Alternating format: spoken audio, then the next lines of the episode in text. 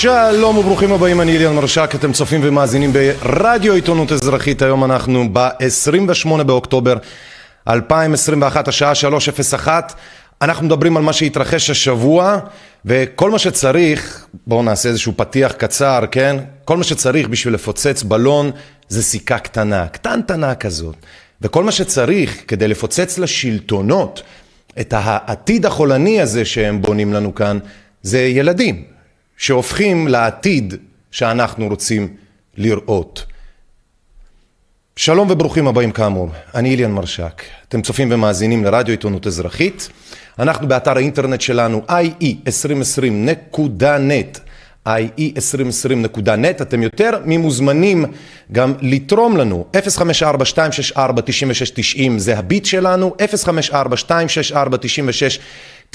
אנחנו יותר מנשמח לתמיכה שלכם, אנחנו מודים גם כמובן אה, לכל התומכים שלנו המדהימים שתומכים ונאמנים גם לא פעם אחת אלא פעם אחרי פעם אחרי פעם ולאלה שכבר שנתיים איתנו ולא מפסיקים.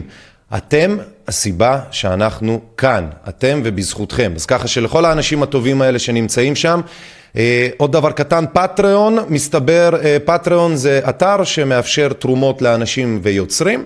הם עושים אה, עכשיו, מסתבר, הם הצטרפו לכוחות של הפשיסטים, ומאחר ואנחנו גם משתמשים בשירותיהם, אנחנו ככל הנראה נצטרך להפסיק. אנחנו נעשה את זה בשבוע הקרוב, יש לנו מערכת חדשה גם כך, ובכך נוכל להתייתר מהמערכת שלהם בשעה טובה.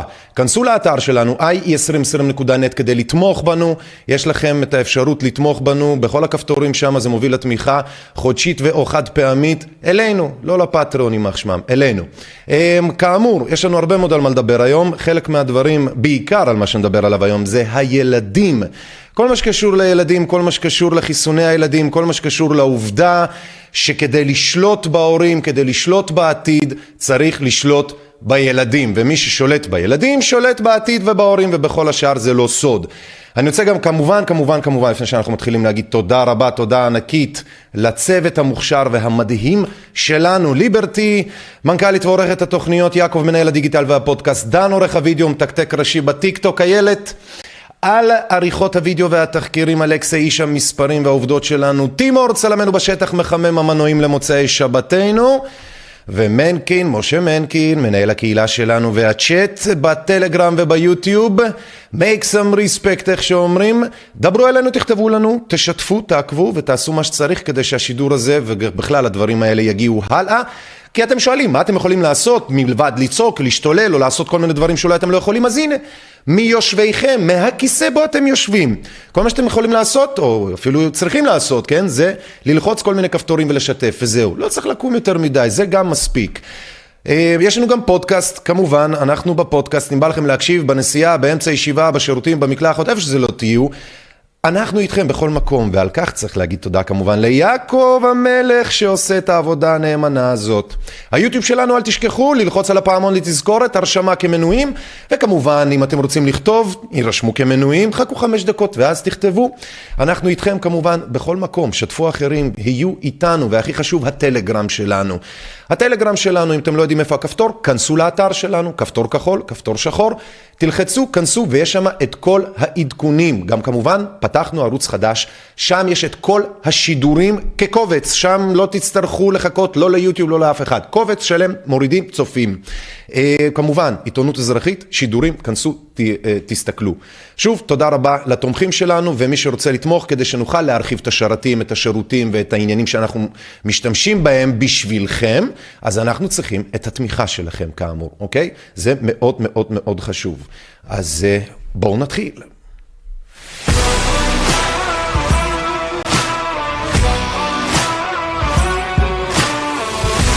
אוקיי, ופה אנחנו מפסיקים. אני כל הזמן עושה את הטעות הזאת, אני שם את הפתיח במקום את המעברון, אבל לא נורא, אנחנו הבנו את הפואנטה. חיסוני ילדים, חברים, חיסוני ילדים. בואו נדבר על הדבר הזה. ראיון עם שרון אלרועי פרייס על חיסוני ילדים, ואחר כך אנחנו נעבור לדבר על הדברים האלה, כי זה פשוט מדהים לראות את הדברים האלה, זה פשוט מדהים. יש לנו קישור, אנחנו נצפה בראיון הזה עם דוקטור פרייס, כן, איזה דוקטור על היוסטור ולהקתו. רועי פרייס, ראש שירותי בריאות הציבור במשרד הבריאות, אה, תודה שאת מדברת איתנו הערב. דוקטור שרון אלרועי פרייס, ראש שירותי בריאות הציבור במשרד הבריאות, תודה שאת מדברת איתנו הערב. בשמחה. אם ה-FDA אכן יאשר היום את החיסונים לגילאים הצעירים, תוך כמה זמן להערכתך מחסנים בני 5 עד 11 בישראל? אז אני מניחה שזה ייקח אה, מספר אה, שבועות אה, מצומצם, אבל מספר שבועות, יהיה תהליכים בתוך מדינת ישראל כדי לעשות את אותו תהליך של לבדוק את הנתונים שיש, לדבר אה, גם עם הוועדה המייעצת לחיסונים, גם עם חברי אה, הצוות לטיפול במגפות. אנחנו הולכים לכיוון של תהליך יותר שקוף לציבור, עם אפשרות לציבור להשתתף במהלך התהליך מאוד בדומה למה שקורה ב-FDA. היא אומרת שיהיה פה תהליך שקוף. קודם כל, כבר זה אומר שלא היה פה תהליך שקוף אה, לפני זה. א', ב', היא אומרת שזה יהיה כמו ב-FDA. זאת אומרת שמה שזה לא היה עד עכשיו, זה לא היה כמו ב-FDA. והיא אומרת את זה כי ה-FDA, למרות שהם לא חברים שלנו, כן יש להם את ההבנה המינימלית שככל שהם לא יהיו שקופים, כך אין ולא יהיה ערך לדברים שהם אומרים ומציעים לנו לעשות בארץ ובעולם כמובן. אז לא רק שהיא מודה פה שלא היה שקיפות כזו, אלא היא גם אומרת לכם, כן, שהתהליכים האלה יחלו רק עוד מעט. שימו לב לדברים האלה, בואו נמשיך. לכן התהליך הזה אה, ייעשה בצורה אה, גלויה, שקופה, וייקח קצת זמן. אני אגיד רק שאנחנו גם צריכים לקבל את החיסונים מחו"ל. מדובר בחיסונים מיוחדים, במינונים לילדים, אה, כך שאנחנו בכל מקרה לא מחר בבוקר מחסנים ילדים, גם אם ה-FDA הלילה יאשר את זה. מה, אבל לא הבנתי, אבל ה-FDA לא אישר, לא מאשר, הוא נתן היתר חירום, זה שני דברים שונים, המילה אישור והמילה היתר, בכוונה יש הבדל במילים כדי להסביר שהיתר זה בוא, אנחנו עוד לא יודעים על זה כלום, אבל אם זה כל כך חשוב לך וכל כך דחוף לך ויש לזה איזושהי נגיעה באמת שעלולה אולי לבצע השפעה כזאת או אחרת, אז בבקשה תשתמש בזה, אבל אישור קודם כל עוד אין, א', ב', היא עוד גם אומרת שהתהליך הזה של לתת את המינון המיוחד לילדים, כי עוד לא הביאו את החיסונים. תשימו לב, זה עד גיל 12. זאת אומרת, ילד בן 12 ושבוע וחודש וחצי, שבגדול הוא אותו משקל, הוא אותו גודל, הוא אותו גובה, לא השתנה, יקבל מינון של מבוגרים. מה בא ללמדכם, כן? שההסתכלות הזו היא לא באמת הסתכלות מדעית, שכן, איך נכון היה לנהוג באופן מדעי, כן? איך בכלל נותנים תרופות באופן כללי לבן אדם שצריך תרופה כזאת או אחרת, בדרך כלל לפי משקלי גוף, אוקיי?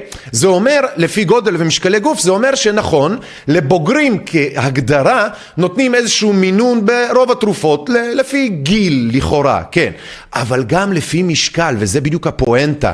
אתה לא יכול לקחת את אותה התרופה אם אתה גיגנט ענק בציפייה שזה יעשה את אותן התוצאות. לא, לא. אתה בדיוק פה בשביל זה נכנס המינונים, גם בייחוד רואים את זה בבתי החולים, בכל מיני דברים, כמו אם זה נניח מורפינים למיניהם או תרופות משככות כאבים. הגודל הוא מה שקובע, המסה, לא בהכרח הגיל אם בכלל, ולכן ילדים מעל גיל 12 בחודש, בחודשיים, יקבלו מינון של בוגרים ומבוגרים. זה לבדו גורם לי לחששות, כי שוב פעם, אין שקיפות, לא הייתה כזו עד עכשיו, היא אולי רוצה, הם אולי רוצים. אבל חוסר השקיפות, חוסר הידיעה גם של מה הדבר הזה עושה בתכלס לאורך זמן, בלה בלה ועניינים כמו שגם אמרנו, עדיין לא מרתיע אותם מלעשות ניסוי על הילדים. וזה בהכרח ניסוי, כבר הוכחנו, כבר דיברנו על זה. בואו נמשיך. אה, כשקיבלו את ההחלטה על הבוסטר, אותה החלטה להוריד אותו מתחת לגיל 50, את היית בדעת מיעוט באותו שלב. כאן אין לך ספקות בעניין של הילדים? את משוכנעת לחלוטין? אני, אני, זה שני דברים שהם לגמרי שונים. קודם כל, כשאנחנו מדברים על בוסטר אה, לקבוצה של אוכלוסייה שאנחנו יודעים ונתנו את החיסון, ואנחנו רוצים לעשות את זה מדורג, אפשר להגיד עושים את זה מדורג מאוד מהר, ואפשר להגיד עושים את זה מדורג יותר לאט. וזה בעצם היה הדיון, לא היה שאלה האם לתת בוסטר או מתי לתת בוסטר, אלא באיזה מהירות לפתוח את המדרגות הבאות. פה אנחנו מדברים על חיסון לאוכלוסייה אה, שאנחנו לא נתנו לה את החיסון במינון אחר, ולכן הבסיס קודם כל צריך להיות מוצק מה הנתונים הקיימים, ולאור הנתונים שאנחנו רואים שיצאו מה-FDA, שמעידים על אה, יעילות מאוד גבוהה של החיסון, תופעות לוואי מאוד נמוכות, אז אני, אני מניחה שה-FDA באמת ילך לאישור של החיסון הזה, אבל את אותו תהליך של להסתכל על הנתונים ולחשוב איפה החיסון הזה אה, כרגע פוגש את מדינת ישראל במגפה שאנחנו נמצאים בה כרגע עם נתוני התחלואה, כל התהליך הזה ייעשה גם במדינת ישראל. אני רוצה שתשימו לב למשהו מאוד חשוב שהיא אמרה עכשיו בעצם. היא השוותה את האישור של החיסון ילדים, ההיתר או הדיון ב-FDA, לבין זה שנעשה גב, לגבי הבוסטר של המבוגרים, של החיסון השלישי. והיא אומרת שבעצם אה, יש הבדל מאוד אה, אה, גדול, כן? אבל אין הבדל. אני אסביר לכם גם למה אין הבדל. בגדול, אצל המבוגרים הם לא אישרו. ופה גם משרד הבריאות שיקרו. ה-FDA בעצם אמר, כן, שהוא לא מאשר, הוא רק נותן מ-65 ומעלה. עכשיו הוא אישר את זה לפני בדיוק שתי דקות, אבל כשהיה את הדיון, אוקיי, הם לא אישרו. וזה עדיין לא הפריע להם להמשיך לבוא ולהגיד לממשלה שיש אישור.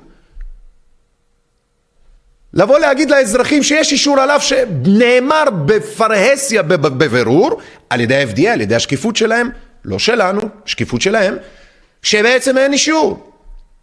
רק ל-65 ומעלה, לא 65 ומטה. ומה עשה משרד הבריאות ועל רועי פרייס? יצאו בהצהרות שקריות שאומרות בדיוק את ההפך. אז פה היא אומרת לכם שיש הבדל, יש פה... לא, הם עושים את אותו הדבר. ה-FDA לא יודע כלום, אלה באים ממהרים לעשות משהו בלי שום קשר, בלי שום ידיעה, ועוד דבר, כשהיא אומרת שהיא היית, לא אמרה, היא אמרה שלא הייתי נגד בוסטר לחיסון שלישי וזה, רק היה שאלה של מתי עושים את זה, לא אם. אבל הרי כבר נאמר על ידי ה-FDA, על ידי פרופסורים מכובדים, שהמידע שיצא מכם הוא anything but, הוא הכל חוץ ממחקר ראוי וכדומה. אז על איזה מידע את מסתמכת? ה-FDA בעט אותך מכל המדרגות, אני פשוט מנסה להדגיש לכם בכל מה שקרה השבוע, כן?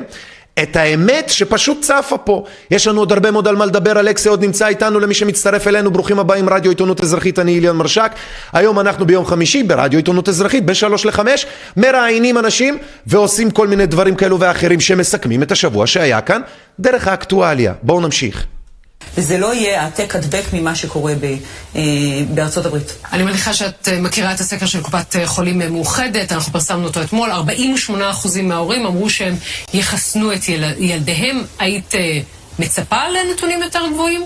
לא, אני חושבת שזה נתונים לא רעים בכלל. אני חושבת שנקודת הפתיחה שלנו של חיסוני 12 עד 15 הייתה לדעתי יותר נמוכה. וזה אומר שרוב הציבור הישראלי, אה, או חצי מהציבור הישראלי, אם נדייק, מרגישים בנוח, מבינים שהחיסון הזה... לא. אבל הציבור הבין שאין לו ברירה אחרי שהוא ניסה להתנגד בפעם הראשונה לחיסוני ילדים, ו... אלה הבינו שצריך לעשות היערכות אחרת, לאיים על ההורים אחרת, ובכך בעצם זה מה שהם עשו. הם ביטלו את הבדיקות, הם איימו שהבדיקות יהיו בתשלום של ההורים, הם עשו כל מיני עניינים של בידודים, שינו את התנאים של הבידודים, של מי חולה, מתי חולה, אם הוא חולה, למה, למה הוא חולה, אה, בדיקות PCR כן תקפות, לא תקפות, כן אפשר לעשות אה, נוגדנים, אי אפשר, הם הטרילו, ולכן האחוז של האנשים שהלכו לעשות את החיסונים כפי שגם הראינו לכם עם כל מיני פרופסורים ודוקטורים אחרים שאמרו שזה לא החיסון שהם עושים לילדים, זה לא בגלל המחלה, אלא אך ורק בעניין חברתי כדי שיהיה להם איך ללכת למקומות ולטוס ולעשות כל מיני דברים מפגרים כאלו ואחרים. בגלל זה יש עלייה בעניינים האלה. אנחנו מדברים היום בתוכנית על הלקוחות השבויים, זה הילדים, החיסונים לילדים, ילדים שלא מסוגלים להגיד לא, ילדים שמוכרחים לקבל מההורים שלהם את המזון, מעון, מלבוש, מורה ומרפא, ועל הדרך מקבלים מהם טעויות שחבל על הזמן, הטרלות מצד השלטונות, וכל מיני דברים שעלולים, בהכרח עלולים, להרוס לילדים האלה את הבריאות ולא רק את השפיות. ועל זה אנחנו מדברים הילדים כלקוחות שבויים. על רועי פרייס בריאיון בערוץ 2 עם כל מה שקשור לחיסוני ילדים. זה ראיון ארוך של חמש ומשהו דקות. אנחנו יש לנו עוד הרבה מאוד על מה להמשיך הרבה מאוד על מה לדבר היום. אני רוצה שנמשיך. אז uh, כן חדשות 2, 12 כאמור על רועי פרייס הסיכון לילדים מה, הוא מהמחלה ולא מהחיסון. אני אוסיף שזה לא זה ולא זה ולא, וזה לא זה אוקיי? זה לא מהמחלה וזה לא מהחיסון זה מהחברה החולנית שהאנשים האלה והדיקטטורות שהם מייצרים. הם יכולים להגיד לכם שזה בא מטוב ליבם, הם יכולים להגיד לכם שהטכנולוגיות מצוינות, הם יכולים גם לשכנע אתכם שהנתונים אשכרה אמיתיים, הם לא יכולים לשקר שזה מייצר הלכה למעשה בהכרח מייצר חברה חולנית, פסיכוטית, הזויה, דיקטטורית שנסובה סביב דירוג אשראי אלקטרוני כמו שיש בסין ותכף נדבר גם על מטבעות קריפטו ועל עוד כל מיני כאלה דברים. יכול להיות, אני מקווה שלא נשכח. יש סיכוי טוב שכן, בגלל שיש כל מיני חומרים היום, הרבה מאוד על מה לדבר. מס... כי זה הכל מתווסף פשוט לדיקטטורות החולניות, הם מזיינים את המוח על בריאות, אין קשר, אין קשר, אין קשר, אין, אין, אין. פשוט אין. מחפשים, גם אנחנו מחפשים, באמא שלי מחפשים, אני הלוואי והיינו מוצאים. משרד הבריאות יתלונן למשטרה בגין הסתה נגד דוקטור אלרועי פרייס. היי, טוויטר של בעלה של אלרועי פרייס, כן, מאיר פרייס, הוא הוציא טוויט, ובטוויט הזה הוא בעצם מתלונן, הנה בואו תראו, רגע, אה, לא, רגע שנייה, כן. שימו לב, כן, בקיצור, זו כתבה מישראל היום, מה-27 לעשירי, השעה 11 בלילה ו-20. תלונה למשטרה בשל ההסתה, נג... בשל ההסתה, כן? נגד דוקטור שרון אלרועי פרייס, נגד, בשל ההסתה. כמה אנשים תוהים, רגע, תת כותרת, במשרד הבריאות החליטו על הצעד לאחר שראש שירות, שירותי בריאות הציבור הזכירה בכמה ראיונות את העובדה שהיא נתונה לאיומים ושברשותה לחצן מצוקה. רואים את הדברים בחומרה. תשימו לב עכשיו מה כתוב פה, זה מדהים אותי, אני רוצה שתשימו לב למה כתוב פה, זה חשוב. במשרד הבריאות החליטו על הצעד, זה משרד הבריאות, אוקיי? בנפרד משרון אלרועי פרייס. לאחר שראש שירותי הבריאות הציבור הזכירה בכמה רעיונות את העובדה שהיא נתונה לאיומים. זאת אומרת, עובדת משרד הבריאות, בכירה ביותר, בשם דוקטור שרון אלרועי פרייס, אשכרה, אוקיי, לא הלכה להתלונן בעצמה, לא הלכה לאף אחד במשרד להתלונן, אלא בכמה רעיונות שהיא העלתה, אוקיי? את התחושה שלה, היא כותבת, פה כתבו עובדה, איזו עובדה? תחושה שלה שהיא נתונה לאיומים ושברשותה לחצן מצוקה. אין לנו עובדה כזאתי, אנחנו לא יודעים, זה רק אמירה שלה. ולמה? איך יודעים שזה מה שזה באמת, שהיא לא התלוננה ושאין דבר כזה? בגלל שזה מה שהם כותבים פה בעצמם. משרד הבריאות החליטו על הצעד להתלונן למשטרה, כי ראש שירותי הבריאות הזכירה בראיונות, אוקיי? עכשיו הם כותבים את העובדה, זה לא נכון, זה פרשנות. משרד הבריאות אומר שזאת עובדה, כי נוח לו וזה מחזק את הפואנטה שלו. אנחנו לא יודעים אם זאת עובדה. אף אחד גם במשרד הבריאות, לצורך העניין, לא הגיע עם ראיות שיש לאותה גברת לחצן מצוקה שהיא צילמה גם או כל מיני כאלה. תבינו את העניין, כן? אם מישהו כואב לו משהו, הוא הולך ומתלונן, הוא לא אומר כואב לי ואז אומרים לו תתלוננו, אה, שטויות. איזה שקרים, איזה שקרנות, יא אללה שלי. תלונה למשטרה, my ass. הטוויטר הוא של משרד הבריאות, זה נכון מאוד, זה נכון מאוד, תודה קונטרול. ה-FDA הצביע בעד אישור חיסון פייזר לקורונה לילדים 5 עד 11. עוד שקר. עוד שקר. מה כן קרה פה? כמו שקרה עם הבוסטר.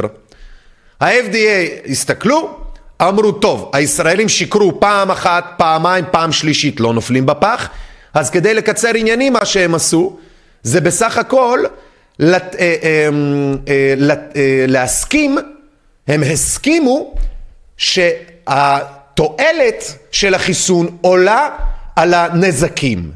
הם לא אמרו שיש אישור וזה הבדל של שמיים וארץ. 17 חברי ועדת מינהל התרופות והמזון האמריקני הצביעו בעד אישור, שזה שוב פעם, זה לא נכון, הם לא הצביעו בעד אישור חיסון ילדים בגיל 11 עד 5, אלא אך ורק נתנו אה, אה, הסכמה שזה באמת העלות עולה על ה... התועלת עולה על הנזק כביכול של החיסון הזה. חבר ועדה אחד נמנע בהצבעה ואפס התנגדו, כתבתם של אליאב בטיטו, וזה ישראל היום, תיקון, סליחה, של מעריב, 26 לעשירי, 11 ו-20 בלילה. זה מדהים, אה? איזה פייק ניוז החולמניוקי. אפילו ארד ניר בעצמו, שעוד פעם, יש לו נגיעה בתחומים האלה, הוא בעצמו הוציא פוסט שאומר ששוב פעם משרד הבריאות הטעה. זה מדהים, אני, אני, אני, רגע, הנה, נכון? כן, כן, כן, הנה. הנה הכתבה הזאת. זה חשוב, זה חשוב, זה חשוב. בניגוד ל... אה, לא, זה משהו אחר, אבל זה על אותו משקל. בניגוד ל... המסר נקלט עוד לפני הדיונים, הלחץ לאשר חיסון ילדים כבר החל. בניגוד לניסוחים היוצאים מלשכת ראש הממשלה ומשרד הבריאות, ה-FDA עדיין לא אישר או המליץ לחסן ילדים בחיסון נגד קורונה. ללא דיון מקצועי אחד. המומחים בישראל כבר יודעים מה, מצפה, מה מצופה מהם. הבנתם? המומחים לפי ארד ניר, לפי מה שהוא כותב, בעצם מתיישרים לפי הקו של משרד הבריאות ולפי הרצונות שלהם. לא לפי באמת מה קרה ב-FDA. לא באמת לפי מה דובר שם והוחלט כאילו וכאלה. תשימו לב לדברים האלה, כי השקרים האלה הם אלה שמובילים אתכם מאחוז מאוד נמוך של הסכמה לחיסוני ילדים, מה שהיה, לפתאום עכשיו עלייה ל-48% הסכמה לחיסון ילדים. וזה לא הבריאות, זה הטרללת, זה בגלל הדיקטטורה ששרון אלרועי פרייס, בעלה שתומך בה ולא מבין למה האנשים כועסים עליה. אף אחד לא מאיים עליה, האישה הזאת היא משקרת אגב. היא משקרת. כן מתבטאים נגדה בצורה מאוד מאוד בוטה, אין צל של ספק, שהיא קנתה במחיר מלא את כל הבוטות הזו. אין אנחנו בעד אה, אה, אה, איומים כאלה ואחרים שאין להם תועלת. אנחנו כן בעד להזכיר לפוסטמה הזאת ולמי שעומד לידה, כולל בעלה, הבעל הזה, שככל שהם יטרללו, יטרילו וידקטטרו פה, יעשו פה דיקטטורה על כולנו וימשיכו ככה, הם בהכרח יצטרכו לשאת באחריות למעשיהם. אנחנו תומכים שזה יהיה בצורה חוקית, כי רק ככה זה הכי כואב. אה מאירקה?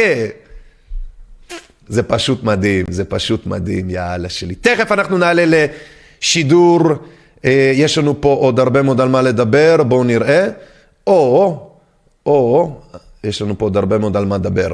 חיסונים חברים, חיסונים, כן? יש לנו צילום מסך בתיקייה, זה נכון, נכון, נכון. אני רוצה להראות את הצילום מסך הזה, בגלל שזה חשוב מאוד. רגע, כן, הנה הצילום מסך של, איך קוראים לו? של ארד ניר. זה חשוב פשוט כי הקונטרול עובדים מאוד קשה, וזה לא בסדר שאנחנו לא עובדים כמו שצריך. זה, תשימו לב, ארד ניר, בטוויט שלו, משרד הבריאות שוב מטעה, ועדת המומחים של מינהל המזון והתרופות לא המליצה כלום. היא קבעה שהיתרונות של חיסון פייזר עולים על הסיכונים לשימוש בילדים בגילאי 5 עד 11. החלטת ה-FDA על היתר חירום בהמשך. ואחריו ימליץ ה-CDC אם בכלל, לבקשת המומחים בשיקול דעת בלה בלה בלה בלה. זאת אומרת שהנה אומר לכם בן אדם בפנים, משרד הבריאות, מה זה מטעה? משקר. הרי זה לא בדברים קטנים שאתה אומר, נו, שטו, שוין, שטויות, כן? במקום שקל 99 הוא אמר לי שני שקלים, במקום שקל 90 אמר לי שניים בעשרה. הטעה. חברים, זה הילדים שלכם. תכף אנחנו נדבר עם אלכסה, איש העובדות והמספרים שלנו, ממורידים את המסכות גם.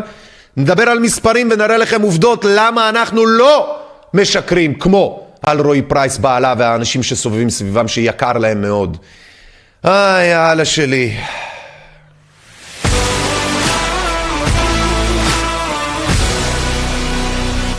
חיסונים חברים, איך חיסון הקורונה משפיע על נשים בכל העולם, זה חשוב לדבר גם על זה בגלל שזה נשמע כאילו זה נזנח.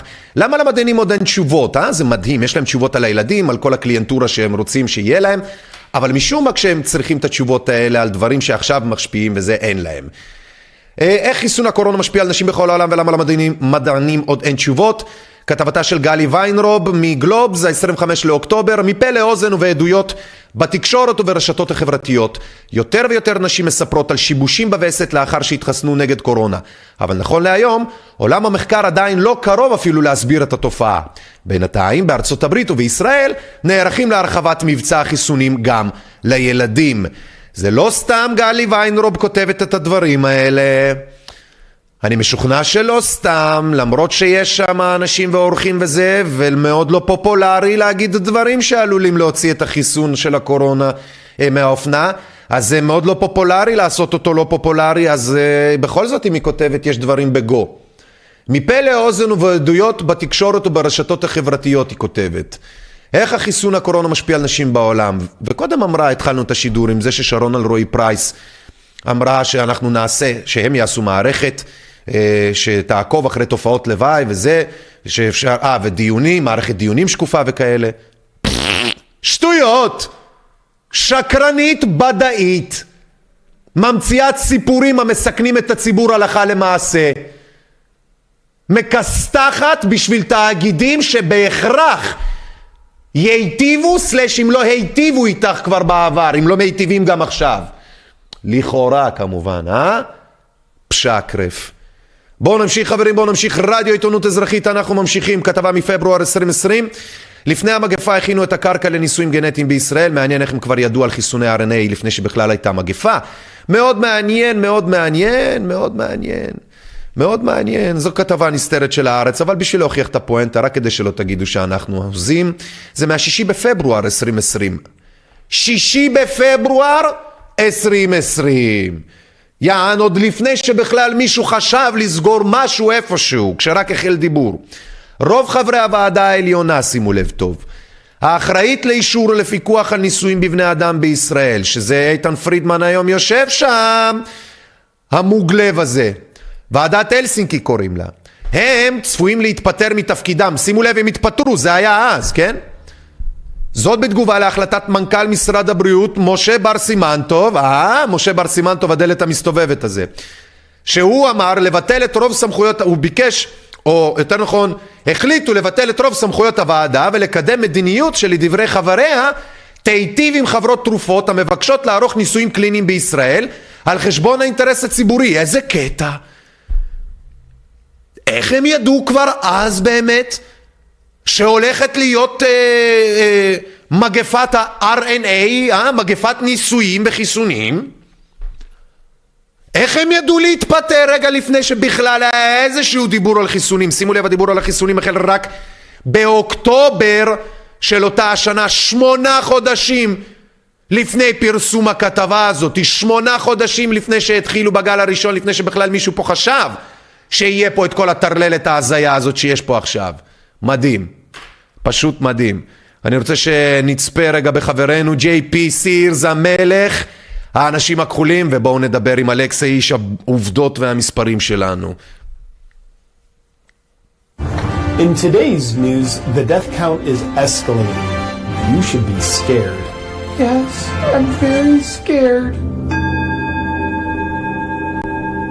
Stay in your homes. It's not safe out there.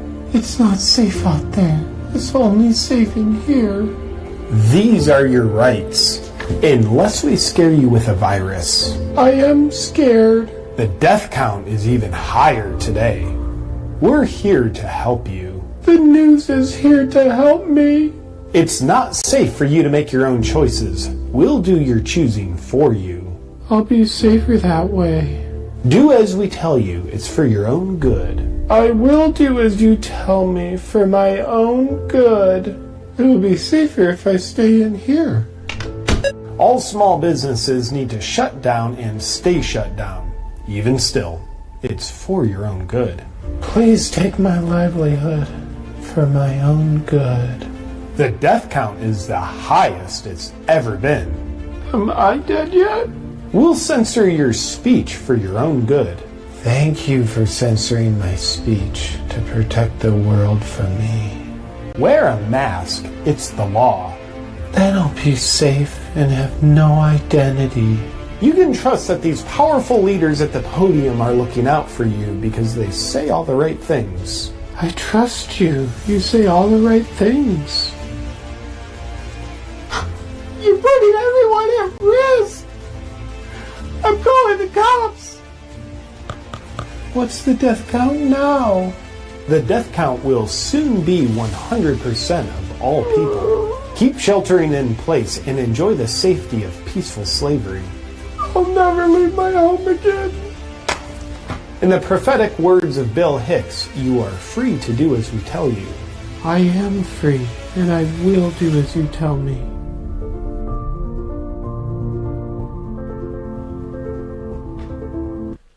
היי, חברים יקרים, אני רוצה ש... אוי, זה פשוט מדהים, הבחור הזה יודע לעשות סרטונים טוב, ה-JP סירס הזה. אמ, ולא רק זה, אלא באמת הדברים שהוא אומר הם פונקט למטרה ורצו להקשיב לו כי הוא עושה את זה פשוט נכון. אני רוצה להגיד שלום, צהריים טובים לאלכסי, מה שלומך? אה, שלום, שלום לך ולמאזינים ולצופים. אני אה, ואתה מדברים לא מעט בין השידורים על מה שקורה ועל אה, עובדות ומספרים, ואתה יש לך קבוצה, מורידים את המסכות, שאתם מוזמנים להיכנס אליה בטלגרם, בכלל, תכתבו גוגל. אתה מדבר איתנו היום על חיסוני ילדים ומספרים. קח אותי, בוא תגיד לי מאיפה אנחנו מתחילים ומה אנחנו מראים לציבור. כן, אז אה, יצאה כתבה על אה, זה ש-FDA בעצם נתן היתר חירום לחיסוני ילדים מגיל 5 עד 11, ובעקבות הכתבה, אפילו בתוך הכתבה יש בעצם קישור למחקר שעליו מבוסס... וזאת אישור- כתבה, מ... אנחנו מדברים על ה-The Guardian, נכון? כן. אוקיי. עכשיו, אה, אז מעולה, יש, אה, יש מחקר מאחורי הדברים, אז אה, כמובן אני ישר הולך למחקר ולראות מה, מה כתוב בו, מה, מה גרם להם אה, להאמין, נקרא לזה ככה, שהחיסון הוא טוב לילדים בגילאים האלה. ואז אני פותח את, המחקר ואני רואה בעצם אה, כמה דברים שהם רלוונטיים. אז אה, קודם כל אני רואה מאיפה הם גזרו את ה-90 אחוז, שהם אומרים 90 אחוז יעילות. רגע, אני רוצה אז, שאני, אה, אתה צריך לה, לה, רק להגיד לי להרא, מה, אני מראה, מה אני צריך להראות לציבור גם עכשיו. תזכור, אתה, אנחנו רק שומעים אותך, אנחנו לא רואים אותך, לכן אתה צריך לה, להגיד לי. אנחנו כן, כרגע, בוא- אני רואה פה טבלה עם מספרים, וכתוב פה על החיסוני ילדים בין 5 ל-12. כן, אז, אז, אה, אז אה, הדברים, חלק מהדברים שאני אגיד לא מופיעים בתמונות האלה, זה בסדר, כי כן. הם מופיעים במחקר, סך הכל אי אפשר להציג את כל המחקר על כן, כן. המסך, אבל חלק מהדברים גם באמת אה, הצופים יראו, בסדר? אז כרגע אני רוצה רק להגיד שבעצם אה, הם עשו את אותו, את אותו משחק של אה, 90 אחוז כאילו יעילות, אבל, אבל זה מאוד uh, מצחיק שאתה יעיל נגד משהו שלא קיים, אוקיי? כלומר, אם אתה ב-90 אחוז uh, מונע uh, אירוע שגם ככה לא מתקיים, אז, אז אתה בעצם לא עושה כלום. אז, אז בגלל זה uh, באתי ואמרתי, בוא, בוא נראה uh, כמה מקרים קשים, אפילו לא מוות, כן? מקרים קשים מקרים, של מחלה. כשאתה אומר שזה לא עושה כלום, זה בתוך ההגדרה של בעצם אני מראה לציבור עכשיו את הטקסט שכתוב פה, שסעיף 3.10.4, אה, כתוב no severe COVID-19 cases, זאת אומרת שבכלל נכון. מבחינת מקרים של אה, COVID וכאלה, אין מקרים אה, קשים בילדים בין 5 ל-12. זה כבר נכון. תחילת העניינים. אז אתה אומר, על בסיס זה, אוקיי, הם מסתמכים ולמה זה עקום. תמשיך. נכון, כן. זאת אומרת, אנחנו אומרים קודם כל שזה בכלל לא, לא מונע מחלה קשה, כי סך הכל אין מחלה קשה, אז אין מה למנוע. אוקיי? אז זה, זה משהו שיוצא מתוך המחקר שלהם, כן? אז אה, זה דבר אחד. עכשיו, דבר אחר זה בעצם אנחנו מסתכלים על התופעות לוואי, אנחנו אוקיי, אומרים, טוב, אנחנו לא מקבלים כלום, אבל מה אנחנו משלמים? אוקיי? מה, מה העלות של הכלום הזה? ואז מה שיוצא שבעצם בקבוצת אה, אה, קבוצת המחוסנים, הם הוסיפו 65 מקרים של אה, תופעות לוואי, מתוך, מתוכם חמישה מקרים קשים, או חמורים הם קוראים לזה, כמקרים חמורים, אפילו אחד מהם גרם ל, ל, לאותו ילד או ילדה לפרוש מהניסוי, כלומר זה היה קשה כל כך שלא יכל להמשיך. אוקיי. עכשיו, מה זה חמישה מקרים עבור כמות כזאת של ילדים? זה אחד מתוך 300. אוקיי? כלומר, אחד מתוך 300 קיבל תופעת לוואי חמורה. וכל הדבר הזה בעצם, מה הוא מנע? הוא מנע 13 מקרי מחלה קשה, אה, קלה, סליחה, מחלה קלה, אוקיי? כלומר, אנחנו מדברים על 65 אה, מקרים של תופעות לוואי, מתוכם חמישה חמורים, בשביל למנוע 13 מק- מקרים של מחלה קלה. שזה מחזיר אותנו בעצם לשידור הקודם, שדיברנו, משהו- שדיברנו לא. עליו בשידור הקודם, אני ואתה, שבעצם אה, קלטנו ממחקר בריטי, שגם אומר שכדי למנוע, מה שקורה פה זה ניסיון למנוע, אה, לחסן 100 אלף כדי למנוע מחלה של בן אדם אחד. שזה פחות או יותר מה שקורה כאן, ניסיון לחסן נכון. מלא אנשים, אוקיי? בניסיון למנוע משהו שבכלל לא אמור לקרות, כאשר החיסון, בעצם החיסון עצמו מעלה אה, לאחד לשלוש מאות את, ה, את הנזק מהחיסון. נכון, יותר נכון. משיש נזק בעצם מהמחלה עצמה. נכון, יש לי, יש לי פה משהו אחר אפילו. כן. אני הייתי אומר שבכמות כזאת של מחוסנים הייתי מצפה ל, להרבה יותר מקרים קשים מתוך ניסיון קודם, מהנתונים. ו, ואפילו תמותה אולי, כן? כי אנחנו יודעים שאפילו תמותה יכל לקרות כבר בכמות כזאת. נכון. אבל למה זה לא קרה? אה, כי הם נותנים בעצם, אה, נתנו בניסוי הזה שליש מהכמות הרגילה, שליש. וזה אגב מתחבר למה שאמרת על הגבול של 12 פלוס 12 מינוס. נכון. זה, זה לא גדל ב-10 אחוז. אוקיי? היה לך יום הולדת, מגדילים לך את המנה פי שלוש. פי שלוש, כן, לא פי בעשר שלוש. אחוז מתוך סך הזה. זה- מדהים. זה הזיה, כן? זה הזיה פשוט, אוקיי? עכשיו, ו... וזה מבחינת ה... אגב, מבחינת אה, משרד הבריאות, נכון? משרד הבריאות עכשיו אה, פתאום אומר, וואו, הנה יש אה, אישור, נכון? הם תרגמו את היתר לאישור וזה, כן. אבל אם מישהו צופה במשחקי הכסף, סליחה, משחקי היחסים בין משרד הבריאות ל-FDA, אז אה, בשביל לה- להתחיל את החיסונים הם המתינו לאישור. בשביל לחסן נשים בהיריון לא היה אכפת להם. בחיסון השלישי הם כן פתאום תרגמו את היתר לזה. בחיסון מחלימים זה בכלל המצאה ישראלית, FDA לא יודעים מה זה הדבר הזה. פשוט- שוב בחיסון לילדים הם שוב אלכסה, מתייחסים. אני- אני אשאל אותך-. אני אשאל אותך שאלה, תגיד לי את האמת, מה, מה אתה מרגיש. יכול להיות שלא משנה, בעצם נוצר מצב שהם המציאו פה שקר, שלאט לאט, לצערי לאט לאט, ככל שבדקנו יותר ויותר, ויותר אנשים גם מיותר סוגים של אנשים, ככה בעצם מצאנו שבכל זווית ובכל פינה שמשרד הבריאות, לא משנה מה הוא אומר, הוא בעצם משקר. עכשיו, לא רק זה, יכול להיות שבגלל שהם קלטו שתופסים אותם על שקר, אז מה שהם עשו זה כדי פשוט לא להתקפל, זה שהם תרצו כל פעם את השקר החדש שלהם בתירוצים חדשים. נכון? ככה זה נדמה, שהם ממש תופסים אותם בכל פעם, ובכל פעם הם אומרים, הופ, תראה ציפור. נכון, אני מסכים, כן, ו... וזה בדיוק השימוש שלהם באישורים או היתרים, לא משנה של ה-FDA. הם לא באמת מתייחסים אליהם בצורה אחידה. זה קטע, אשכרה. פעם נוח להם הם להתייחס. ל-FDA, פעם לא נוח להם להתייחס ל-FDA. בדיוק, פעם, פעם FDA זה חתיכת גוף חשוב, ופעם אנחנו משרד הבריאות של עצמנו, אנחנו מדינה עצמאית. איך שנוח להם, כן? בהיבט האישי יותר, כרגיל, כמו שאני אוהב לשאול אותך, אלכסי, התקופה האחרונה והילדים וזה, כשאתם שומעים את הדברים האלה, זה מלחיץ יותר, זה מלחיץ פחות, כשאתה יודע שהם מגבירים את הלחץ ולא מורידים. תן לי את התחושות האישיות שלך ושל האנשים סביבך, מה הם מרגישים, לאן הדברים האלה הולכים. תראה, יש, אה, יש עכשיו מתחילות, אה, אנחנו, כאילו, ההורים בלחץ, כן? אנחנו רואים את זה לפי השמועות, נגיד עכשיו בדיוק אה, רצה איזו שמועה שחיסנו ילדים בכיתה א' נגד קורונה בלי אישור ומודעות של ההורים. עכשיו, הדבר הזה כרגע לא מוכח ולא מבוסס על שום דבר, אבל כמו שאתה מבין, הדבר הזה רץ בטירוף, כי, כי אנשים בפחד, אה, אנשים פתאום אה, מגיעים לבית ספר ולוקחים את הילדים, יכול להיות שבצורה שלא מבוססת בשלב הזה לגמרי, כן? אבל יש את החרדה הזאת. תשמע, אנחנו ו- מדברים על ילדים כן, שהם לקוחות. שבויים, אתה יודע, זה ילדים שמחויבים להקשיב להורים שלהם מצד אחד. מצד שני גם, ההורים האלה בהרבה מקרים הם פשוט הורים, מה לעשות, לא בדיוק אה, העיפרון הכי חד בקלמר, והם פשוט הופכים לקורבנות.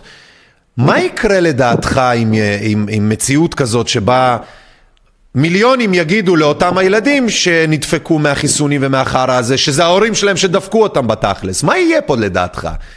זה מדהים, אה? זה פשוט כאילו, אני לא, אני לא יודע איך אפילו מה לשאול פה, זה כאילו, what the fuck כזה, כן?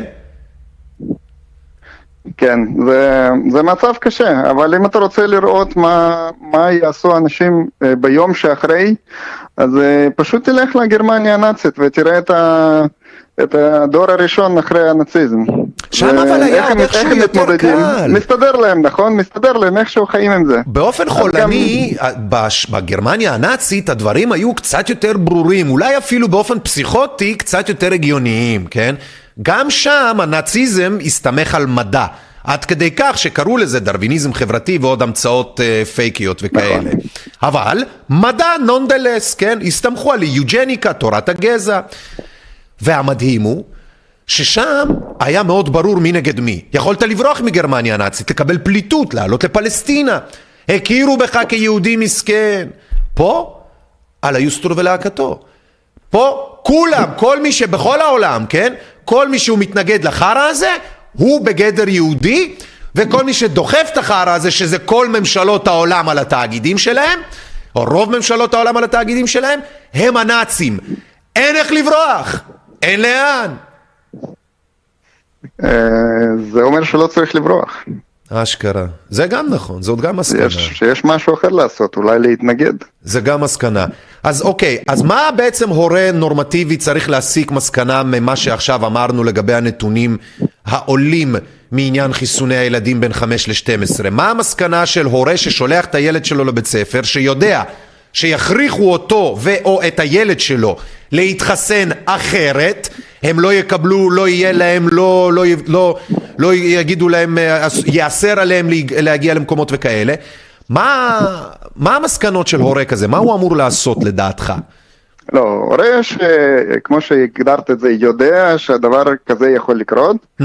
הוא פשוט לא שולח את הילדים שלו לבית ספר. זה, זה לא, זה לא הורה ש, שאחראי, שבאמת אוהב את הילדים שלו, כן? לצערי לא כולם אוהבים את הילדים שלהם, אבל הורה שכן אה, דואג לבריאות ו, ולעתיד שלהם, mm-hmm. אם הוא יודע ש, שיש סבירות מספיק גבוהה. שזה יקרה, mm-hmm. הוא פשוט לא שולח למסגרת כזאת את הילדים שלו, זה, זה, זה הכל. אני אישית לא רואה את עצמי עושה דבר כזה, כן? זה צריך להיות, לא יודע. מה אכפת לנו מההורים שכן עושים את זה לילדים שלהם? בסוף זה הילדים שלהם, מה אכפת לנו?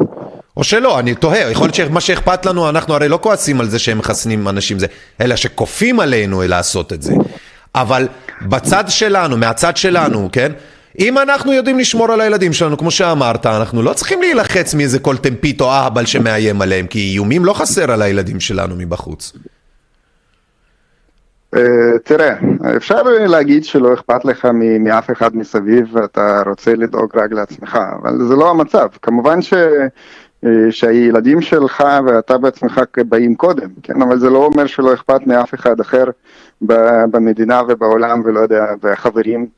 זה כן אכפת, אוקיי? וכן אכפת, וכן אם אתה רואה שאנשים אה, מקבלים, אפילו אתה אומר הנה, מקבלים איזושהי החלטה, mm-hmm. אבל אם לא מושכלת והיא מבוססת על, אה, על איזה שהם שקרים, ואתה יודע שהאנשים האלה הם פשוט קורבנות.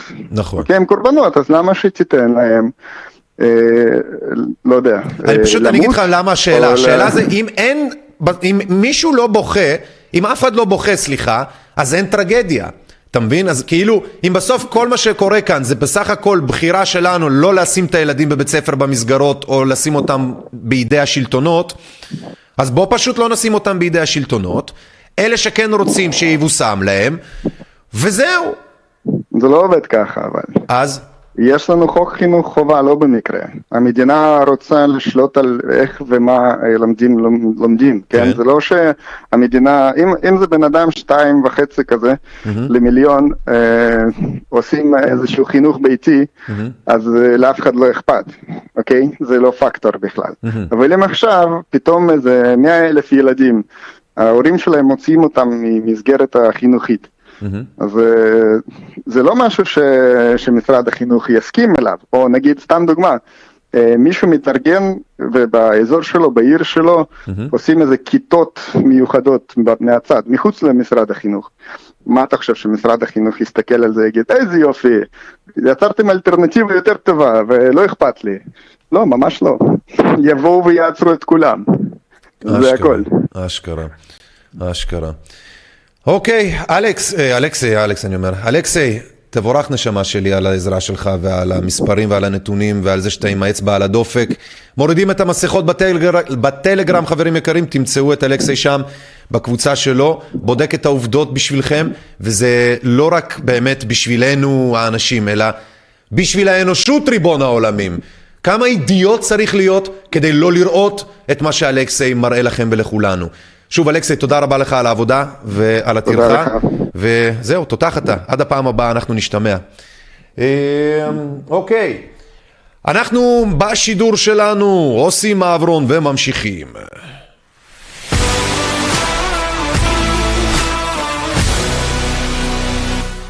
כן, אז uh, אני רוצה שוב להגיד תודה רבה לאלכסי שעוזר לנו בעבודה מאוד מאוד uh, הקשה הזו שאנחנו עושים בלבדוק את הנתונים, את המספרים, את העובדות, כדי שלא נחטא.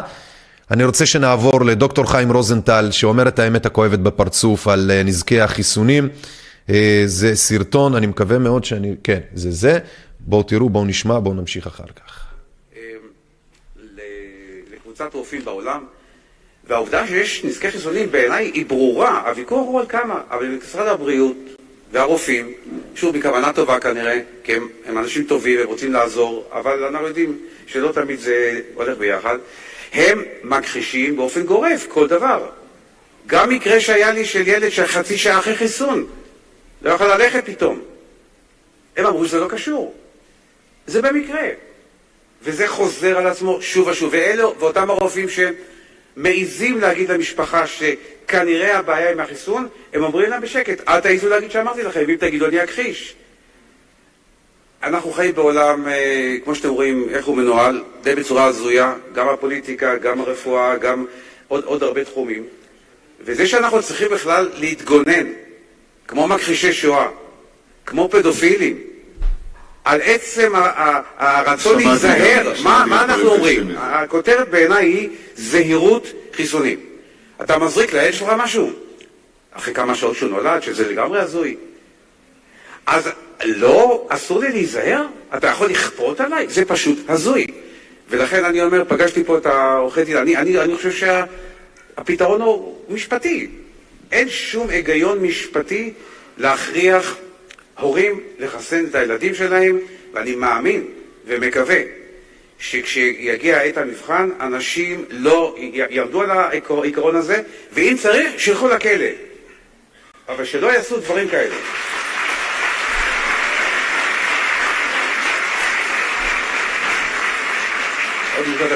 וגם אני רוצה לומר, אני, כן. אה, אני בשליחות, אני איש פשוט, אני איש מאוד, פרג, מאוד פרגמטי, מאוד מחושב, לא הזוי, אבל יש נושאים שאי אפשר. ועל זה אני מוכן לשלם את המחיר, ומשרד הבריאות יודע שהוא לא מפחיד אותי. דוקטור חיים רוזנטל, גוטה אתם הבנתם את זה? בן אדם עם יושרה, בן אדם עם כוחונוס, אה? עם וובוס חמינדוס, אומר לכם ולכולנו, שיש דברים שאי אפשר לעבור בשתיקה עליהם. יש דברים שהוא אני, אנחנו ורבים מכם גם מוכנים לשלם את המחיר בשביל שלא יעבור ולא יהיה. וזה לא יעבור. וזה לא יעבור בשתיקה, זה בטוח. למי שמצטרף אלינו חברים יקרים, רדיו עיתונות אזרחית, אני איליאן מרשק, עבדכם הנאמן בקונטרול איתי הפעם, דוריתי. אנחנו, לא קרה כלום לליברטי, היא פשוט בחופשת אדמיניסטרציות, מנהלות וכאלה, ברגילה, מה שנקרא.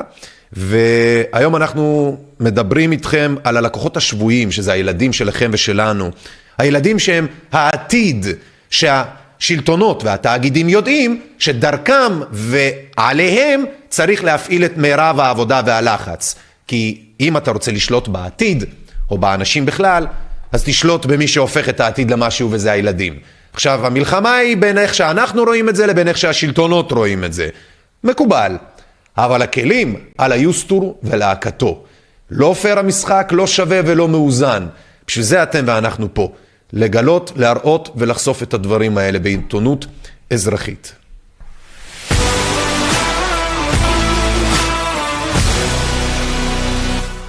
רופאים מאשימים חולי קורונה בבית החולים וולפסון הוזנחו ומתו, כתבה בישראל היום. שימו לב, כל מה שאנחנו מראים לכם ומשמיעים לכם זה לא אנחנו המצאנו כלל ועיקר אלא הם עצמם. התקשורת, השלטונות, האנשים שמספרים לכם את הבדיות ואת ההזיות, ומדי פעם גם כל מיני רסיסי אמת שצריך אה, לברור ביניהם. אז שימו לב פה, רופאים מאשימים שחולי קורונה בבית החולים וולסון הוזנחו ומתו, כתבתו של רן רזניק מ-25 באוקטובר, 11 בלילה. והסיבה שאני מראה לכם את הדבר הנפלא הזה, לכאורה במרכאות, כן, כפולות ומכופלות, זה בגלל שאנחנו הרי אמרנו לכם את זה כל הזמן. שהרצון של השלטונות הוא לייצר מצג שווא של טרור, של, של מגפה, של איומים, של ת, ת, ת, תפחדו, תפחדו, תפחדו. איך אתה עושה את זה בלי שיש לך באמת את התפאורה לזה? איך אתה עושה את זה כשאין לך פרופס? אתה מכין תפאורה ופרופס. אבל לצערנו במקרה הזה מדובר בחיי אדם אמיתיים, באנשים אמיתיים. וכבר זכור לכם הסיפורים על אנשים שנכנסו עם ציפורן שבורה ויצאו חולים אה, מתים מקורונה? הסיפורים האלה של נכנסה אישה ויצא גבר מת מקורונה? אתם מכירים את השטויות האלה, נכון? זו לא היה המצאה. זו לא המצאה, זה לא היו המצאות. ברוב המקרים אכן מדובר בהזנחה פושעת, מכוונת, של נתונים, שקיפות ועניינים, רק כדי שיהיה להם נוח. מחלקת מונשמים ריקה מאחיות, מדי חמצן תקולים ומסכני חיים, ומטופלים שזועקים שעות לעזרה ואין עונה. לא הבנתי, אני חשבתי שאתם רוצים לטפל בחולי קורונה, מה קרה? תכף תאשימו אותם שזה הלא מחוסנים, כמו שעושה כמעט כל אחד, כולל על רועי פרייס, כולל אחרים ונחמן האשים וכאלה. הם אומרים את זה, אבל בתחכום החולמניוקי. באופן חסר תקדים התייצבו תשעה רופאים ממחלקת הקורונה בוולפסון בפני ההנהלה ואמרו, ככה אי אפשר להמשיך. מקווים שיערך תחקיר אמיתי בעקבות התלונות. די, איזה תחקיר אמיתי? הרי כל מה שקשור לנתונים של חיסונים, תמותה, מגפה, מחלה, הם חיפשו וביזו ושיקרו וסילפו ובדו בכאלה ווליומים ועוצמות ו- ו- ו- וחוצפה שאפילו עלתה בחיי אדם ופסיכולוגיה וכלכלה שלמה, לא רק בארץ אלא גם בעולם וזה, אתם מצפים מהם שהם יעשו תחקיר אמיתי בעקבות התלונות האלה? הם צריכים את האנשים האלה במתפגרים. הם לא רוצים אותם אנשים אה, בריאים שלא יהיה שם מח... הם צריכים את זה תחת מוחרוד. שיוכלו להתלונן שאין להם תקציבים. הם הפכו למלאכים בלבן. עכשיו הם יכולים לנצל את זה, אה? ולהיות גם המנופחים בירוק, בלייץ. פפילינוס. בואו נמשיך חברים, בואו נמשיך, אנחנו ברדיו עיתונות אזרחית. אוי ואבוי, הצינור ערוץ 13, שחיתות שלטונית, מדהים. ערוץ 13 זה בכלל מושחתים, הצינור זה בכלל שחיתות. בואו תראו את הפשקרפים האלה. תשמעו טוב את הדבר הזה. הם כאילו עושים עכשיו יעני חשיפה של שחיתות. אלה נבלות סרוכות לא פחות מהם, והם רוכבים על התחת של הנבלות האחרות. היי גאונות, בואו נמשיך אבל, בואו נמשיך. חשיפת הצינור, התרופה שהוכנסה לשימוש במהלך ימי הקורונה, תרופה לא יעילה נגד קורונה, אבל היא נרכשה במיליוני שקלים, על פי החשדות, בעסקה מפוקפקת. הערב, אה, אמיר שואן, אתה חושף עדות של רופא שמספר איך התרופה המושחתת לכאורה הזו עלתה אולי בחיי אדם.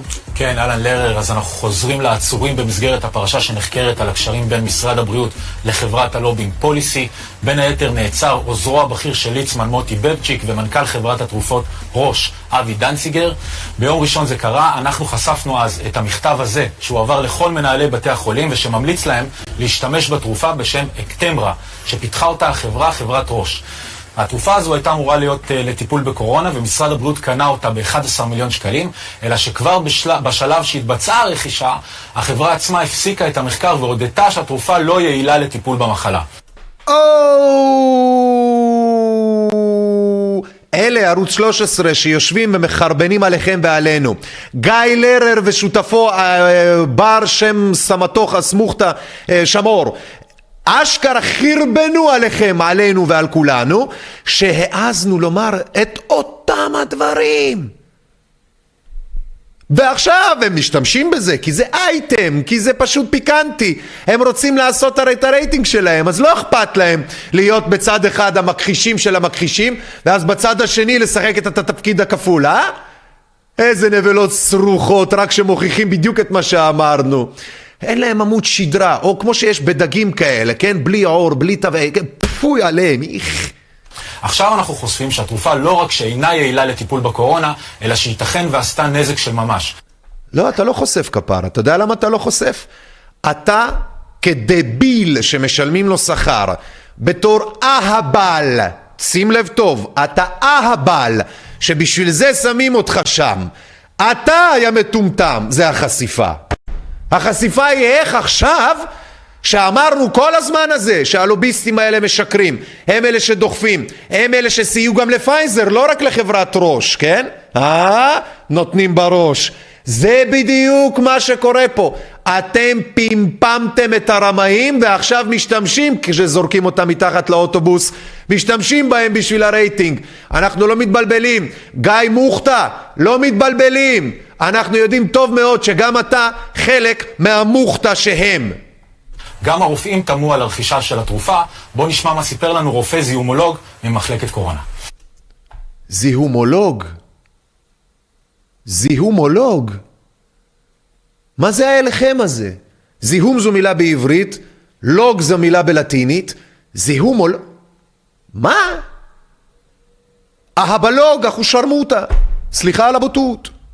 אנחנו קראנו את המחקרים, אנחנו ידענו שמשרד הבריאות קנה טונה של התרופה הזאת, אנחנו לא ידענו למה, אנחנו לא הבנו למה, כי אנחנו לא טיפשים, אני קראתי את המחקר. אנחנו לא הבנו למה, כי אנחנו לא טיפשים? לא הבנתי. הכתבה הזאת רק מוכיחה עוד הפעם שכל הספירה שקשורה בניהול או בהצגה, בביום ובהפצת הקורונה, כי היא לא מופצת ביולוגית כמו שהיא מופצת בתקשורת הרי, בפייק, שזה מה שהם עכשיו עושים לכם מול העיניים. הם מתיימרים לספר לכם חשיפה, מה שהם לא אומרים לכם זה שאנחנו צדקנו כל הזמן הזה והם עכשיו יוצאים הסמרטוטים. זאת החשיפה.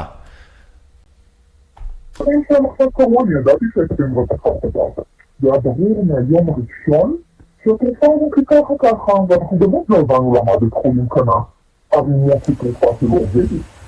אז איך בדיוק התרופה הזו יכולה לגרום לנזק לרר? זה קורה אם ההידרדרות של חולה קורונה נובעת מחיידק זיהומי שלא אובחן, ואז נותנים לו את האקטרמה. למה זה קורה? כי התרופה הזו פוגעת במערכת החיסונית, ואז אי אפשר לתת לידה תרופות אנטיביוטיות. אה, איזה יופי, ההסבר שלו פתאום נהיה מדעי. איזה יופי שפתאום יש הסבר מדעי פשטני, הגיוני. איזה קטע שאותם ההסברים אגב, זהים למה שקורה עם הקורונה והפייזרים והמודרנות והביונטקים, אבל בגלל שהחברה, ראש, כן, היא לא הצליחה, היא לא קיבלה את, ה, את המלכת הכיתה, אז היא עכשיו הלא פופולרית, על התחת של כולם, אז מחרבנים עליה, ואותם הטיעונים המדעיים שתופסים גם על הזבל של פייזר, כשאנחנו אומרים זה על פייזר זה לא נכון, אבל עכשיו זה הגיוני ונכון להגיד את זה על החברה הזאת כי יאללה לא לא לא לא מדהים. תשימו לב חברים איך משקרים לכם ומטרילים אתכם השקרנים האלה. זה פשוט מדהים. למי שמצטרף אלינו חברים יקרים, שלום וברוכים הבאים, אני אליאן מרשק, אתם צופים ומאזינים ברדיו עיתונות אזרחית. אנחנו מספרים ומראים לכם מהחדשות ובכלל בדברים שעשו את השבוע, איפה אנחנו נמצאים, מבחינת אקטואליה קצת וכאלה. קודם דיברנו עם אלכסה, איש המספרים והעובדות שלנו, ממורידים את המסכות שאתם מוזמנים למצוא אותם בטלגרם. אמ, בדקנו והסתכלנו וראינו שבעצם לא רק שמשרד הבריאות שיקרו לגבי אישור חיסון ילדים מ-5 עד 12, אין כזה, אה, אלא, ולא רק שאין כזה, אלא שכתוב גם, כן, שאין שום נזק אה, קשה או בכלל שצריך לשים אליו יותר מדי את הזה אה, מקורונה לילדים, שאם מי שחולה, ילדים שיכלו, לא יהיה להם נזק, אבל בואו נחסן, אוקיי? לא. לא היה שם הצעה לחסן. יש שם גם הדגמה ללמה אם אתה נותן בעצם חיסון אחד, אחד משלוש מאות, יש נזק לילדים. אז בעצם אתה מייצר אחד לשלוש מאות נזק לילדים מחיסון למשהו שלא עושה בכלל שום נזק לילדים. עכשיו תגידו לי אם אתם רוצים לחסן את הילדים שלכם, ואם כן, איזה סוג של הורים אתם? תכתבו לנו כדי שנדע, ככה לפחות נדע למה אתם הטמבלים ואנחנו לא. שיהיה לזה הגדרה מדעית אם אתם כבר הולכים על מדעים חולניים. דרוויניזם חברתי אתם עושים פה, סתומים יש אתם. איי יאללה, אחרי שהכחישו ערוץ 13, יאללה שלי, אלה שאנחנו הזויים, אלה הכחישו שאנחנו... אמרו לנו שאנחנו הזויים, הכחישו שאנחנו אומרים את האמת, ועכשיו הם משחקים אותה חשיפה, ביצים שלי. היי, סעיף שני בטבלה, מה זה? אה, נכון, נכון, נכון, נכון. משרד הבריאות המליץ על איברמקטין לטיפול בקורונה, שימו לב, כן? התרופה שגם, הם אמרו שהיא שקרית, שצ... שזה לסוסים, וה... והחמניה הזה, איך קוראים לחמניה המטומטם הזה? לוקאץ', לוקאץ'. הוא הרי שיקר הבן אדם הזה, שהוא אמר ש... אה, מה זה שיקר? הוא הרי לעס משהו שמישהו אחר העלה גרה, הקיא בתוך הפה, כן? ואז הוא אמר לכם איברמקטין וזה, זה לסוסים, או עוד כל מיני שקר... מה זה סוסים? הנה לכם פה משרד הבריאות בענק, כן? COVID-19 Treatment Guidelines, אוקיי? NIH Gov, משרד הבריאות. איברמקטין, מה כתוב פה? שימו לב, אולי אתם עיוורים, אני אגדיל את זה בכלל, שיהיה ככה יפה, אוקיי? למבוגרים, the dose most commonly used in clinical trials is IVM 0.206 מיקרוגרם לקילוגרם, אוקיי? Okay? given as a single dose or as a once daily dose for up to 5 days. הם אומרים לך, כן? שיש תרופה ניסיונית ב-clinical trials, אוקיי? והם אומרים לכם מה התופעות לוואי שלה. באופן כללי, נסבלת בסדר גמור, אוקיי? דיזינס, כל מיני סחרחורות, כל מיני אפקטים נוירולוגיים כאלו ואחרים, עוד כל מיני דברים מוזרים. יש כל מיני, אבל סך הכל סבבה. נו, משרד הבריאות, אילן לוקאץ' אמר שאנחנו מציעים את זה כאילו אנחנו ממציאים את זה. לא, משרד הבריאות מציע את זה. אנחנו לא המצאנו את זה, וזה באתר שלהם, COVID-19 Treatment, שימו לב לקישור של הכתובת של האתר, פה לפניכם, COVID-19 Treatment Guidelines, nih.gov. מדהים. NIH, אני רק רוצה להבין, זה ה-NIH הבריטי או הישראלי, רק שאני לא טועה פה עוד הפעם, אבל מה זה משנה? הם מציעים, גם או הבריטים או הישראלים, וזה עדיין לא משנה. אוי ויי, NIH, זה נראה לי הבריטים הסמל הזה, כן, אני לא טועה, זה הבריטים? זה הבריטים, כן. נו, מה זה משנה? אבל המשרד הבריאות הישראלי אומר שמי שמדבר על איברמקטין הוא הזוי. לא, אבל העיקר שהבריטים קנו את זה. והעיקר שהישראלים עובדים בשת"פ עם הבריטים, והעיקר שהבריטים הם בסדר גמור מבחינת הישראלים. סך הכל יפה, נכון? אוי ואבוי לי, אוי ואבוי. חברים יקרים, שלום וברוכים הבאים, אני איליאן מרשק, אנחנו מפנצצ... מפנצ'רים, מפוצצים פה את כל הקשקושים שסיפרו לכם ולנו בתקופה האחרונה. הממשלה שוקלת, סירוב להיבדק לקורונה יהפוך לעבירה פלילית. וידאו של בנט מישיבת הממשלה. זה פשוט מדהים, בואו נראה, חשוב לראות.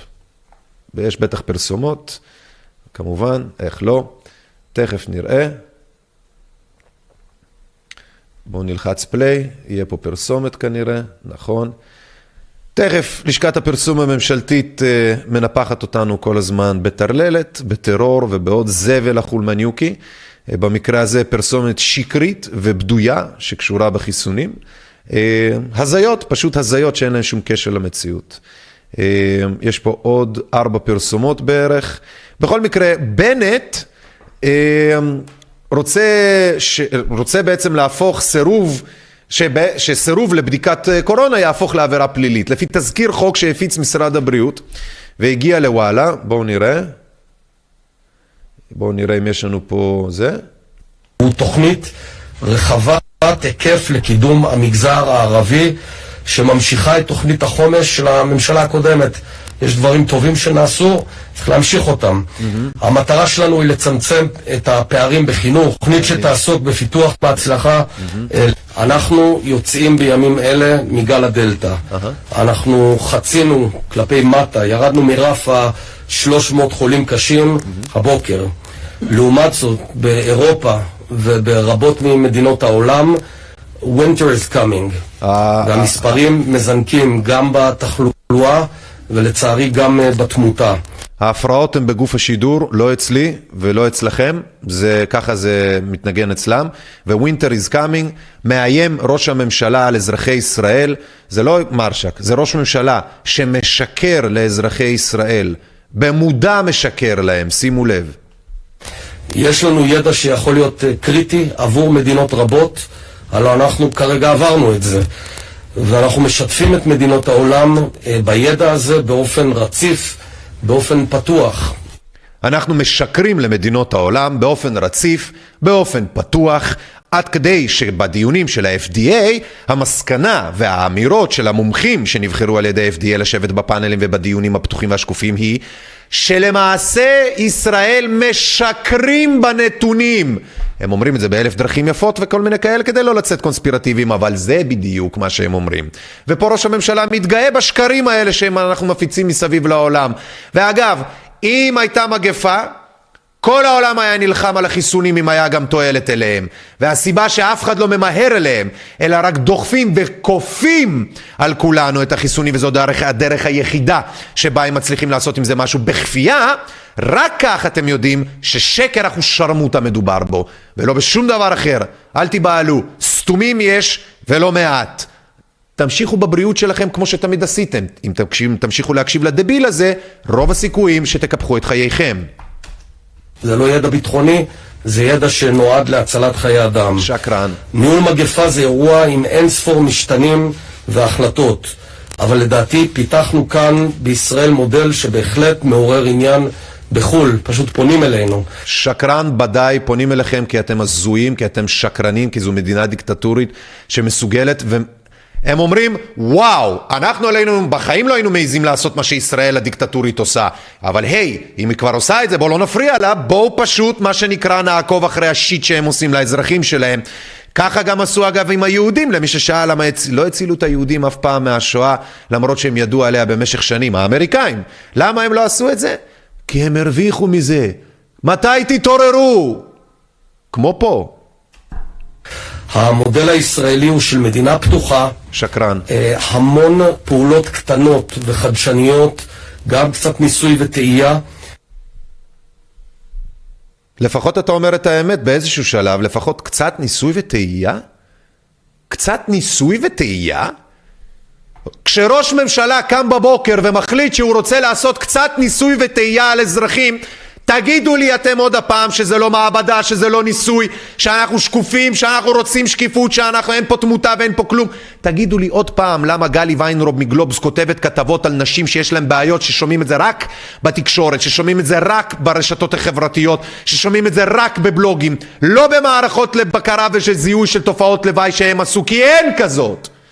תגידו לי עוד פעם על הקצת ניסוי וטעייה. אם אני מאיים על, אנחנו אומרים, מאיימים על שרון אלרועי פרייס, כן? אנחנו? על אלרועי פרייס? תעשו רגע את ההשוואת מאזניים, תחשבו על זה רק שנייה, כן? מתעורר ראש ממשלה ואלרועי פרייס בבוקר ולוקחים את התקשורת כולה, את כל האמצעים שברשותם, שאתם ואנחנו נתנו להם הם משתמשים בזה, הם קמים בבוקר ופונים למצלמות ואומרים על חצי אם לא יותר מאוכלוסיית ישראל שהם בעצם שק של וריאנטים שצריך לכלוא אותם, שצריך לעשות עליהם סנקציות, שאסור לתת לילדים שלהם להסתובב, שהם לא יכולים להיות חלק מהחברה, שצריך לשים אותם במקומות שצריך לאיים עליהם עוד פעם ועוד פעם ועוד פעם ולשים תו ירוק רק כדי לבדל אותם מאחרים.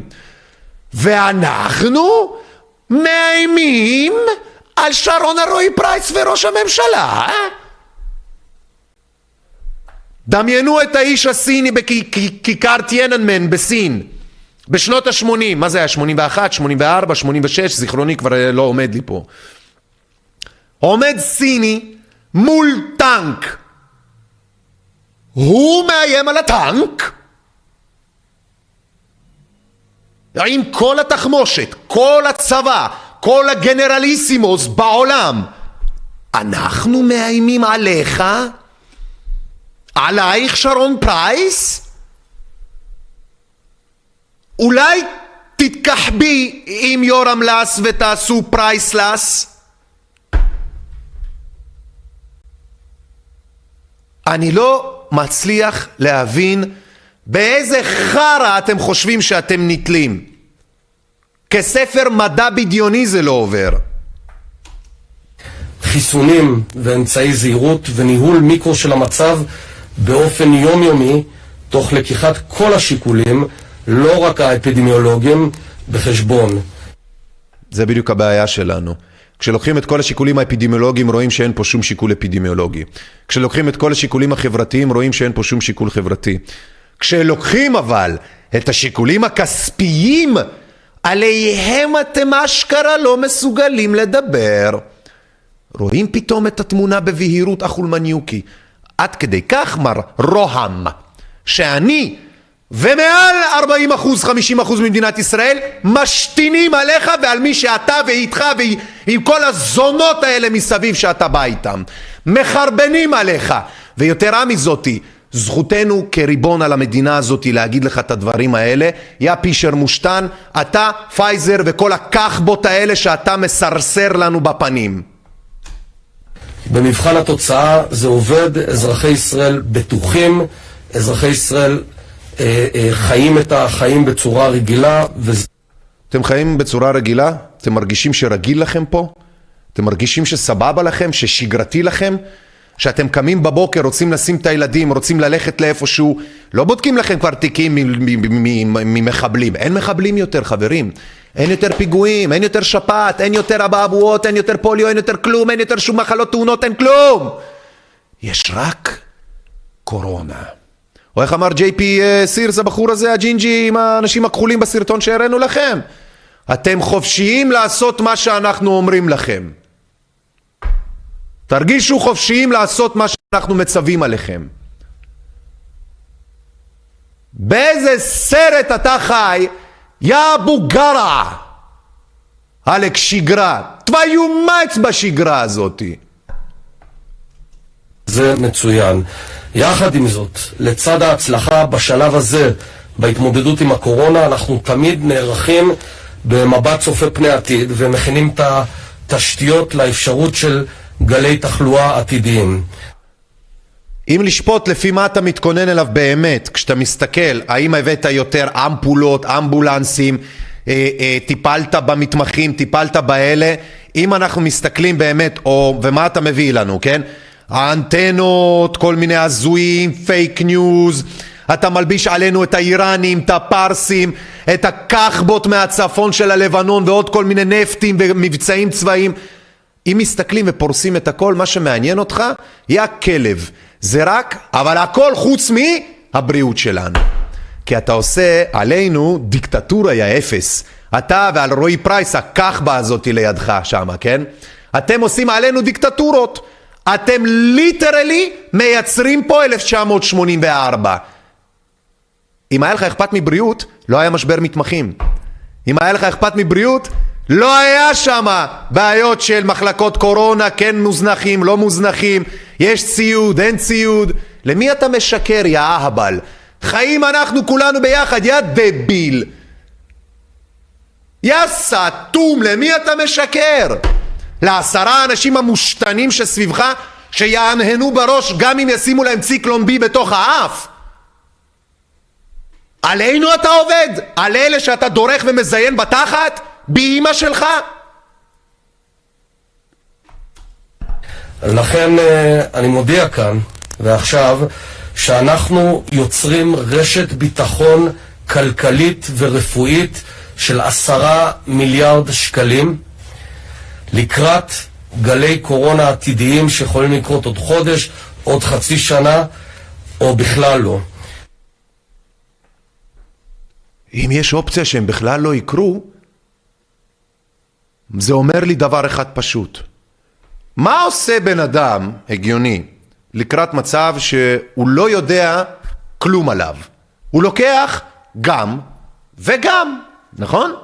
הוא נערך. אבל זה בדיוק ההוכחה שהוא לא יודע עליו כלום. לפני שנייה הוא אמר לכם שהוא יודע הכל, שהכל בסדר, ובלה בלה ובלה בלה. אני אמרתי לי זה לא יקרה. ואז במקביל, הוא אומר לכם שהוא לא יודע כלום.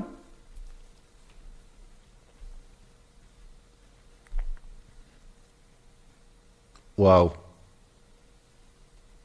יש לכם ראש ממשלה מסוכן שמסכן את הציבור, צוות ממשלה מסוכנת שהיא הטרוריסט הלכה למעשה.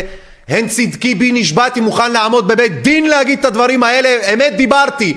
דיקטטורה טרוריסטית שלא רואה בעיניים. וזה ראש הממשלה שלכם שרוצה שתאמינו שהזונה הזאת שמה, עוד כל מיני זונות אחרות שרוצים שתאמינו שאנחנו מאיימים עליהם. אבל שזה שגרתי, שזה שגרה, שזה נורמה, שחזרנו, שתודה לאל שאנחנו מובילים, שאנחנו הכי טובים, שאנחנו הכי בריאים.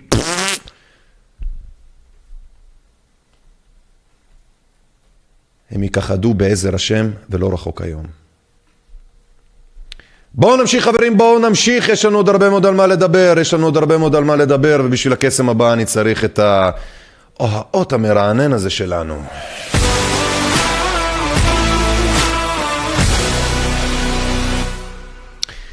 אושרת קוטלר, עיתונאית, כבר הרבה מאוד שנים, הייתה, פרשה, התחסנה פעמיים, ניזוקה בליבה, אה, וגם אה, החלה בעצם במסע של אמירת אמת טוטאלית, כן?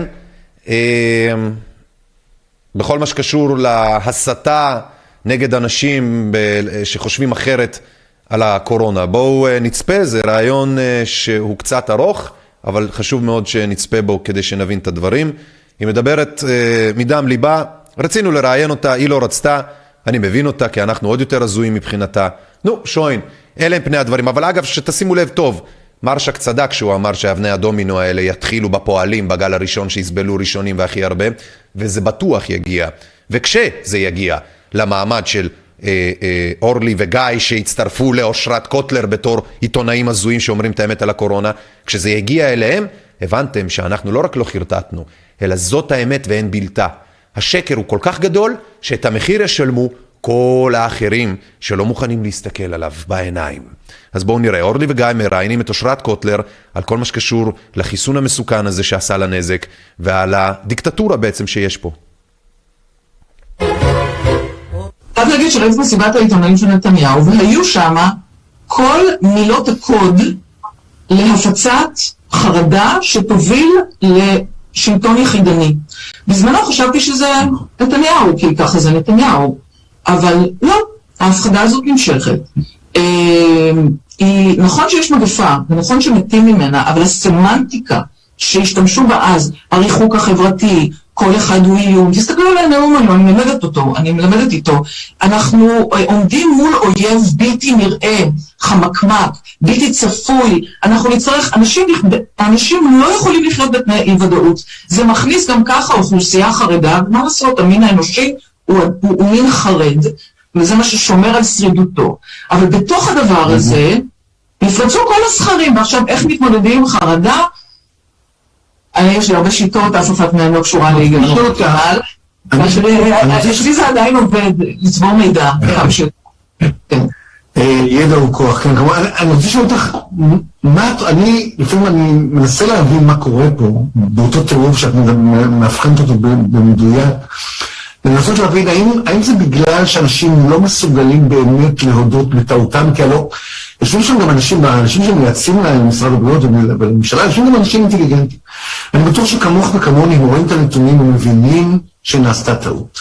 אבל עוד לא קם אחד אפילו, ואמר, טעים. את, את, את חושבת שזה כי נורא נורא קשה להודות בטעות שעלתה מיליארדים, ואולי אולי גם בחיי אדם, זה נגיד מחקרים בשנים הקרובות יעידו, או שזה משהו אחר, או שהם באמת בטוחים שהם עדיין צודקים. כלומר, על מה זה יושב?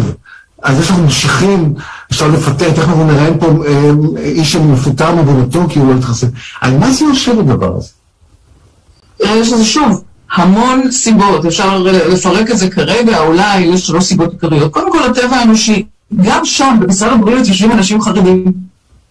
עובדה.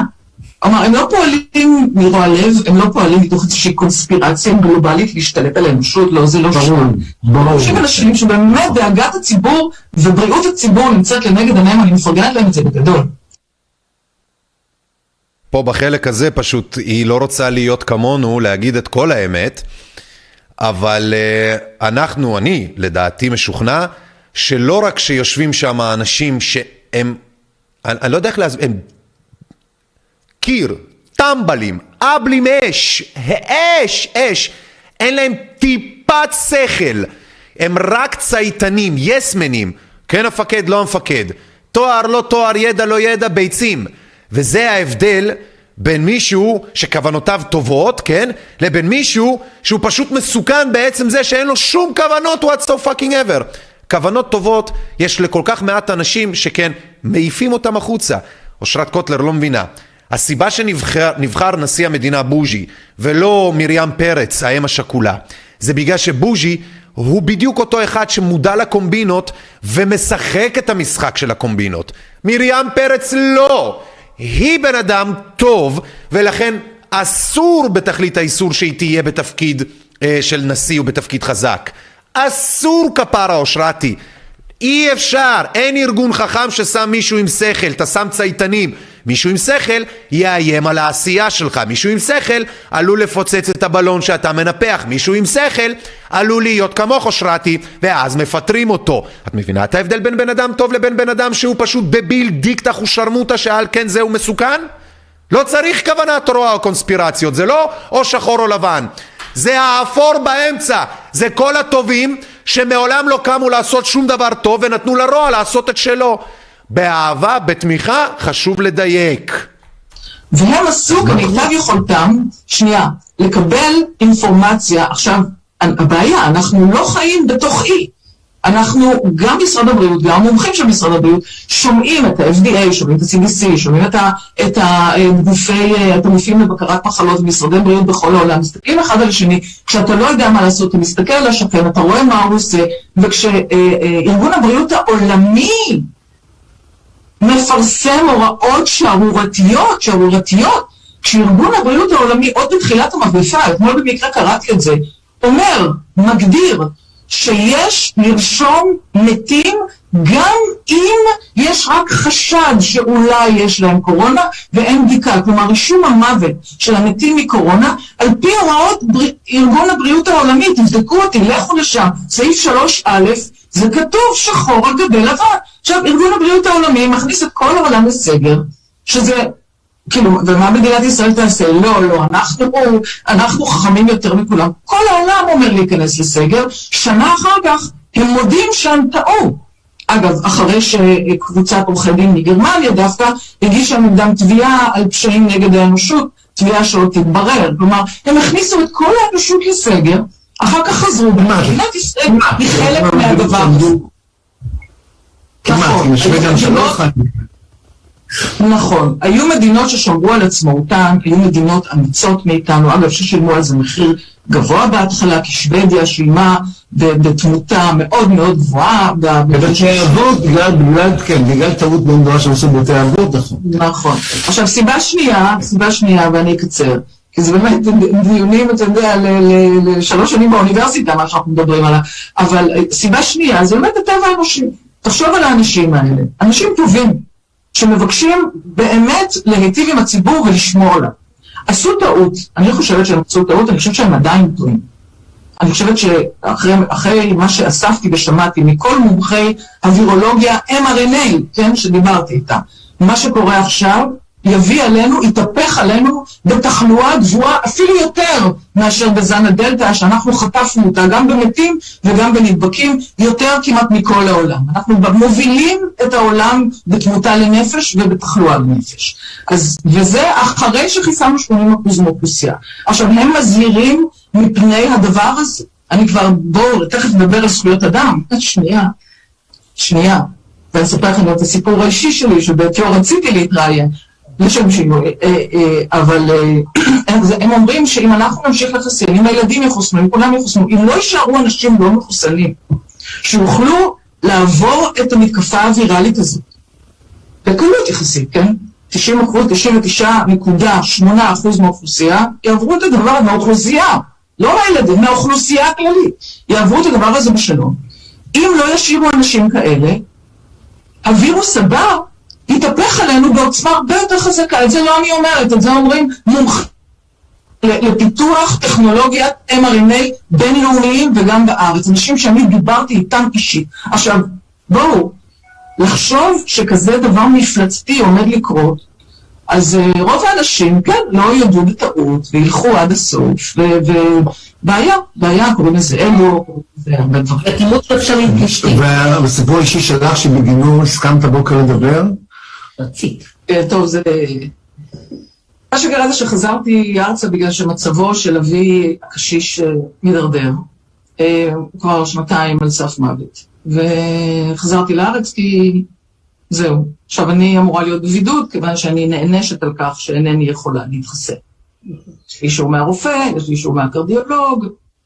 זה לא מזיז שום דבר לאנשי משרד הבריאות, שכבולים בנהלים דרקוניים ביותר. כשהתקשרו אליי באחד הלילות, אני חושבת שהגעתי ביום שני, אני חושבת, או כן, וביום שני בלילה התקשרו אליי איפשהו בין שני לשלישי ואמרו לי, תקשיבי, אבא במצב לא טוב, כדאי שתבואי, זה הסוף. אה, פשוט זינקתי מהמיטה ואמרתי, טוב, אני הולכת, אבל אני, אסור לי ללכת, אתם זוכרים, אני בבידוד. אה, אלמלא בתי, שחונכה להיות אה, אזרחית שומרת חוק על ידי אימא שלה, אני הייתי מזמן מצפצפת על החוק ופשוט נוסעת לאבא. אבל היא אמרה לי, לא, לא, יש איזה קו מהיר כזה, משרד הבריאות, תבקשי אישור, מה אכפת לה? שש בבוקר, אני שולחת אה, טקסט, אס.אם.אס, וואטסאפ, לא משנה, ועונים לי, את צריכה למלא את הטופס הזה ואת הטופס הזה ולהביא אישור מהמשרד, ואני כותבת להם, קחו את הטלפון, הנה, אוקיי, אני עוד מתקשרת איתם בשפיות יחסית, כשכולי בחרדה אמיתית ומובנת, אני אומרת לאבד את אבא שלי. אני אומרת להם, קחו תתקשרו עם, ה, עם, ה, עם המנהלת של הדיור המוגן הזה, והיא תאשר לכם שאבא עומד למות, תנו לי לצאת למען השם. לא, אנחנו מצטערים, ידינו כבולות, את לא יכולה לצאת עד שלא יגיע אישור. והאישור עכשיו, כמובן שיצאתי. כתבתי לה, תקשיבי, בבקשה, הנה, הגשתי לכם את האישור, הנה המסמכים. הגדלתי לעשות, הבאתי מכתב בשבע וחצי בבוקר מהמסכנה שהערתי אותו, ואמרתי לה, תביאי מכתב שאבא באמת עומד למות, כי הממשלה, המדינה, האח הגדול, אמיתי, לא התוכנית ההיא. האח הגדול עכשיו צריך לאשר לי יום-יום. אגב, קיבלתי את האישור בארבע אחרי הצהריים ליום אחד. מתארים לעצמכם שאני כל יום ליד אבא. כל יום מחדש, כל יום מחדש אני צריכה לקום בבוקר, למלא את הטופס. עכשיו, האנשים היקרים שיושבים שם ועושים את העבודה, הם כותבים לי, ליבנו איתך, אנחנו איתך, שולחים לחיבוקים מרחוק, הכל נהדר, אנשים טובים יושבים שם, אבל ההוראות האלה הם... אבל ההוראות שיצר מי? אבל מי יצר את ה... לא הם יצרו את ההוראות האלה? לא, אומרת, ההוראות... משרד הבריאות קידם. לא הוא שיצר את ההוראות האלה? אני מדברת, אני לא מדברת עם ניצן הורוביץ, אני מדברת עם פקיד במשרד הבריאות, או פקידה, או ראשת מחלקה, אני. לא בטוח שלא לא, לא. הפקידים של ניצן הורוביץ יצרו את ההוראות האלה והוא הוא אישר אותם. הוא אישר אותם. כן. כן, הוא יכול לאשר אותם, ניצן הורוביץ הוא אכזבת חיי, ואני לא גם. שלנו, גם שלנו. כן. אני לא מצביעת מרץ, לא רק ניצן הורוביץ, ניצן הורוביץ, אה, יאיר לפיד, אה, ליאיר לפיד, אה, כל- אבירי זכויות האדם. איפה אתם למען השם? איפה אתם? איפה? מה קרה לכם? מה קרה לכם? מה זה? מה זה? מה זה הבושה הזאת? אנשים מאבדים את עבודתם, אנשים צריכים לקבל אישור מה, מהמדינה ללכת לבקר את הוריהם על ערש בית אם לא הם נחשבים עבריינים. אני הייתי עבריינית השבוע, וואלה, אני אלך להיות עבריינית כל פעם שזה יקרה. נמאס לי. אסור לציית לתו הירוק, אני יודעת שאתה משתף איתו פעולה, גיא, כי אתה צודק, צריך לחיות, גם הבנות שלי אומרות, צריך לחיות, מה את רוצה? אני לא... אנחנו משתפים באופן חלקי, אושרת. אם אנחנו מוזמנים לאירוע שכתוב בו, אה, יבדקו תו ירוק בכניסה, אנחנו לא הולכים אליו. אה, באופן חד וברור. באירוע פרטי, אבל במקומות ציבוריים אנחנו כן משתפים בזה פעולה, כי אנחנו גם... אני גם מתפ... אני יודעת, אני עובד עם הבימה, והבימה עושה... נכון, נכון, נכון, ואני נותנת הרצאות, ואני צריכה להגיש תו ירוק בכניסה. לא מגישה תו ירוק, דרך אגב, מביאה בדיקה. בסדר, אבדק. אגב, גם את הבדיקות אפשר לעשות יותר אנושיות. בגרמניה או ביוון, שבהם אני מסתובבת די הרבה, אה, אתה יכול לעשות בדיקת גרגור. אני מרגישה שבאמת אונסים אותי כל פעם שדורפים לי את המטוש, וזה לא צחוק. סליחה שאני אומרת את זה, אבל זה, זה, זה בדיקה נוראית. אני בוכה כל פעם מחדש, נוראית. עכשיו, אנשים צריכים לעבור את זה פעמיים בשבוע כדי ללכת לעבוד? יש לי חברה טובה, בכירה מאוד במערכת הבריאות, כן? הודיעו לה, אם את לא תתחסני בבוסטר, והיא התחסנה בפעמיים, והיא לא הרגישה טוב, לא רצתה, רואה מה קורה, אנחנו כל הזמן מגיעים אלינו סיפורים על אנשים שמרגישים ממש ממש רע אחרי הבוסטר הזה, בסדר? יש גם אחרים שמרגישים טוב, נכון, אבל הכפייה הזאת, לא תעבדי? לכי תבדקי פעמיים בשבוע, תשלמי את זה על עצמך, לא תראי את אבא שלך על ערש דווי, לא, לא, לא, לא, לא, רק אם אנחנו נ, נייסר אותך בשוטים ועקרבים. איך אמר יאיר לפיד? אתם צריכים לשלם מחיר על זה שאתם לא מוכנים להתחסן? אתה אומר את זה? אתה אומר את זה? איך אתה לא מתבייש? איך אתה לא מתבייש לומר כזה דבר? על מה לשלם מחיר? על זה שאני, לא משנה, במקרה שלי לא יכולה, אבל נניח לא הייתי רוצה, אז מה? מותר לי לא לרצות להתחסן ואני לא פוגעת באף אחד אחר. אז הנה, זה עכשיו-. אז הנה, אז הסיפור שרץ כאן בסוף השבוע הוא סיפור של נטלי, שלא הסכימו לבוא לביתו של מישהו כי הוא לא התחסן. אה, השיחה המוקלטת רצה בכל מקום, עכשיו אנחנו רוצים להצטרף לשיחה, נכון? את יכולה להישאר איתנו עוד, אושרת? אני צריכה לעשות בדיקת PCR כדי ללכת לבקר את אבא, אז אני מתנצלת. אוקיי, אז המון תודה, המון תודה על גילוי לב הזה. אה, אחד הדברים שאנחנו מסתכלים שוב ורואים מהרעיון הזה, למי שמצטרף אלינו שוב, שלום, ברוכים הבאים, אני אליאן מרשק, רדיו עיתונות אזרחית. אנחנו עכשיו באתר האינטרנט שלנו משדרים במקביל גם ליוטיוב, ie2020.net, זה האתר שלנו, ie2020.net. אנחנו מדברים היום על הלקוחות השבויים, על הילדים, על ההורים, על כל אותם האנשים שבעצם אה, נצרכים לעשות דברים שהם בכלל לא מהבחירה שלהם, אלא מתוך לחץ כפוי של שלטונות. זה מצד ההורים, ולחץ כפוי של הורים טיפשים, טמבלים, מכל מיני סוגים כאלו ואחרים, שפשוט כופים על הילדים שלהם לעשות מהלכים וצעדים שאלוהים יודע איך זה יסתיים ואיך זה ייגמר. דיברנו, שוחחנו עם אלכסה איש העובדות והמספרים שלנו, ממורידים את המסכות בטלגרם, תמצאו אותו. אה, אה, אה, הבאנו מספרים ועובדות, גם מאנגליה כמובן, שוב, זה הדברים שגם באים מפה מישראל, בחלק מהם, שמראים שלא רק שהקורונה אין לה נזק לילדים, כמו שיש לחיסון שעושה נזק לילדים, ולכן צריך לשים לב לדברים האלה. גם שמשרד הבריאות שיקר כשהוא אמר שה-FDA אישר חיסונים לילדים בין 5 ל-12, הוא לא, הוא רק נתן היתר אה, חירום על סמך ההסכמה שהחיסון עלול להיות יותר יעיל מהסכנה של הנזקים שלו. ולכן הם הסכימו על זה, לא נתנו אישור לשום דבר, שלא ישקרו אתכם, וזה מה שלצערנו הם עושים פה. אז כאמור, אנחנו בשידור הרדיו היום מעבירים לכם את האינפורמציות as is, כמו שהאקטואליה זורקת אותם עלינו, כדי שנפרק ולא ניבהל ולא נלחץ ונדע מי מול מי ולמה הדברים קורים. קורים.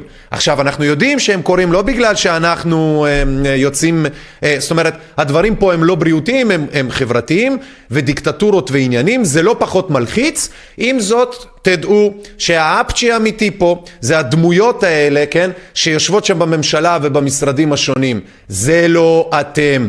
זה לא אתם, אלה שלא אה, אה, התחסנו לכאורה כזה או אחר. שלא יפילו אתכם בפח, בקיצור בשקרים. אז אה, כאמור, זו הייתה אושרת קוטלר שהתראיינה אצל אורלי וגיא מרוז.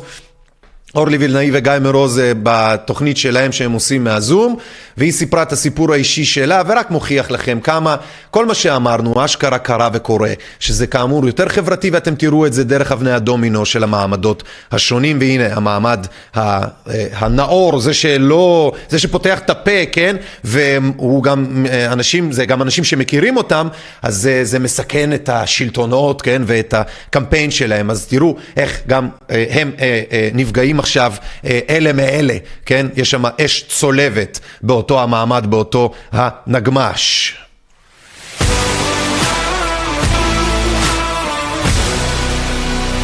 אז כאמור, אנחנו, יש לנו עוד uh, כמה דברים לסגור לפני שאנחנו מן הסתם מסיימים, יש לנו עוד את החצי השעה הזאתי. כל העיסוק בשואה הופסק, קצת בארץ מש, משאר הדברים שמתרחשים פה בהיבטים השונים באקטואליה. כל הארץ דגלים דגלים. כל העיסוק בשואה הופסק. ולמה? פשוט בגלל שבשנתיים האחרונות אה, היינו במין אה, מסע הפחדה אה, שקרי ובזוי והזוי, אה, שפשוט לא היינו אה, פנויים לעשות שום דבר אחר. אז לכן לא היו מסעות לפולין. כל העיסוק בשואה הופסק. עכשיו זה מצחיק, סליחה שאני אומר את זה, כן, זה לא מצחיק, זה רק, זה, זה, זה, זה הכפילות של הכותרת. העיסוק בשואה לא הופסק, כפרות. אנחנו משווים כל הזמן ומראים ונותנים דוגמאות ומסבירים ואומרים. זה שאתם משקרים לכולנו ועושים את זה רק יותר שואתי, אוקיי? זה מה שמסיט את, את, את תשומת הלב והדעת מהמסעות בפולין. אתם עושים לנו שואה, ולכן כבר לא צריך להסתכל על פולין, יש לנו דוגמאות מבית, יא פשקרפס. בחסות הקורונה משרד החינוך זנח את המסעות לפולין. זה בסדר, זה לא רק את המסעות, זה גם את הציבור עצמו. המסעות למחנות הריכוז וההשמדה בפולין הפכו למסורת חינוכית חשובה, אלא שהקורונה הביאה לביטולם, וכבר כמעט שנתיים שבני הנוער הישראלים לא מבקרים בפולין. כעת קוראים הורים ותלמידים לחדש את יציאת המשלחות. בתקופה שבה מספר הניצולים הולך ומתמעט, חייבים לעבור את זה. חייבים לעבור את מה, סליחה? את השואה? את מה חייבים לעבור? בזמן שמספר הניצול, בתקופה שבה מספר הניצולים הולך ומתמעט, חייבים לעבור את זה?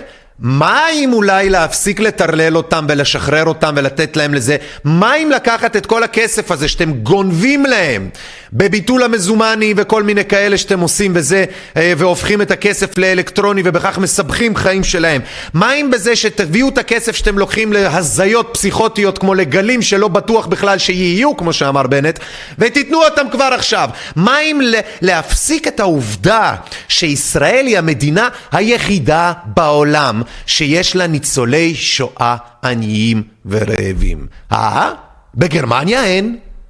גרמניה שיצרה את החרא הזה לוקחת אחריות מלאה על כל ניצולי השואה שגרים בכל אחד מהאלוהים יודע כמה קנטונים יש בגרמניה ב-80 אזרח, מיליון אזרחים יש שם בקירוב נכון משהו כזה 80 מיליון 60 מיליון זיכרוני כבר אה, לא עומד לי בעניין הזה אבל אין שם אף ניצול שואה רעב אחד אחד בישראל ערימות אלפים אלפים והשומית אלפים אתם רוצים לשלוח אותם לפולין? למה? זה לא עוזר ברגע שהכי צריך זה לא עוזר, למה אתם שולחים אותם? מבזבז כסף?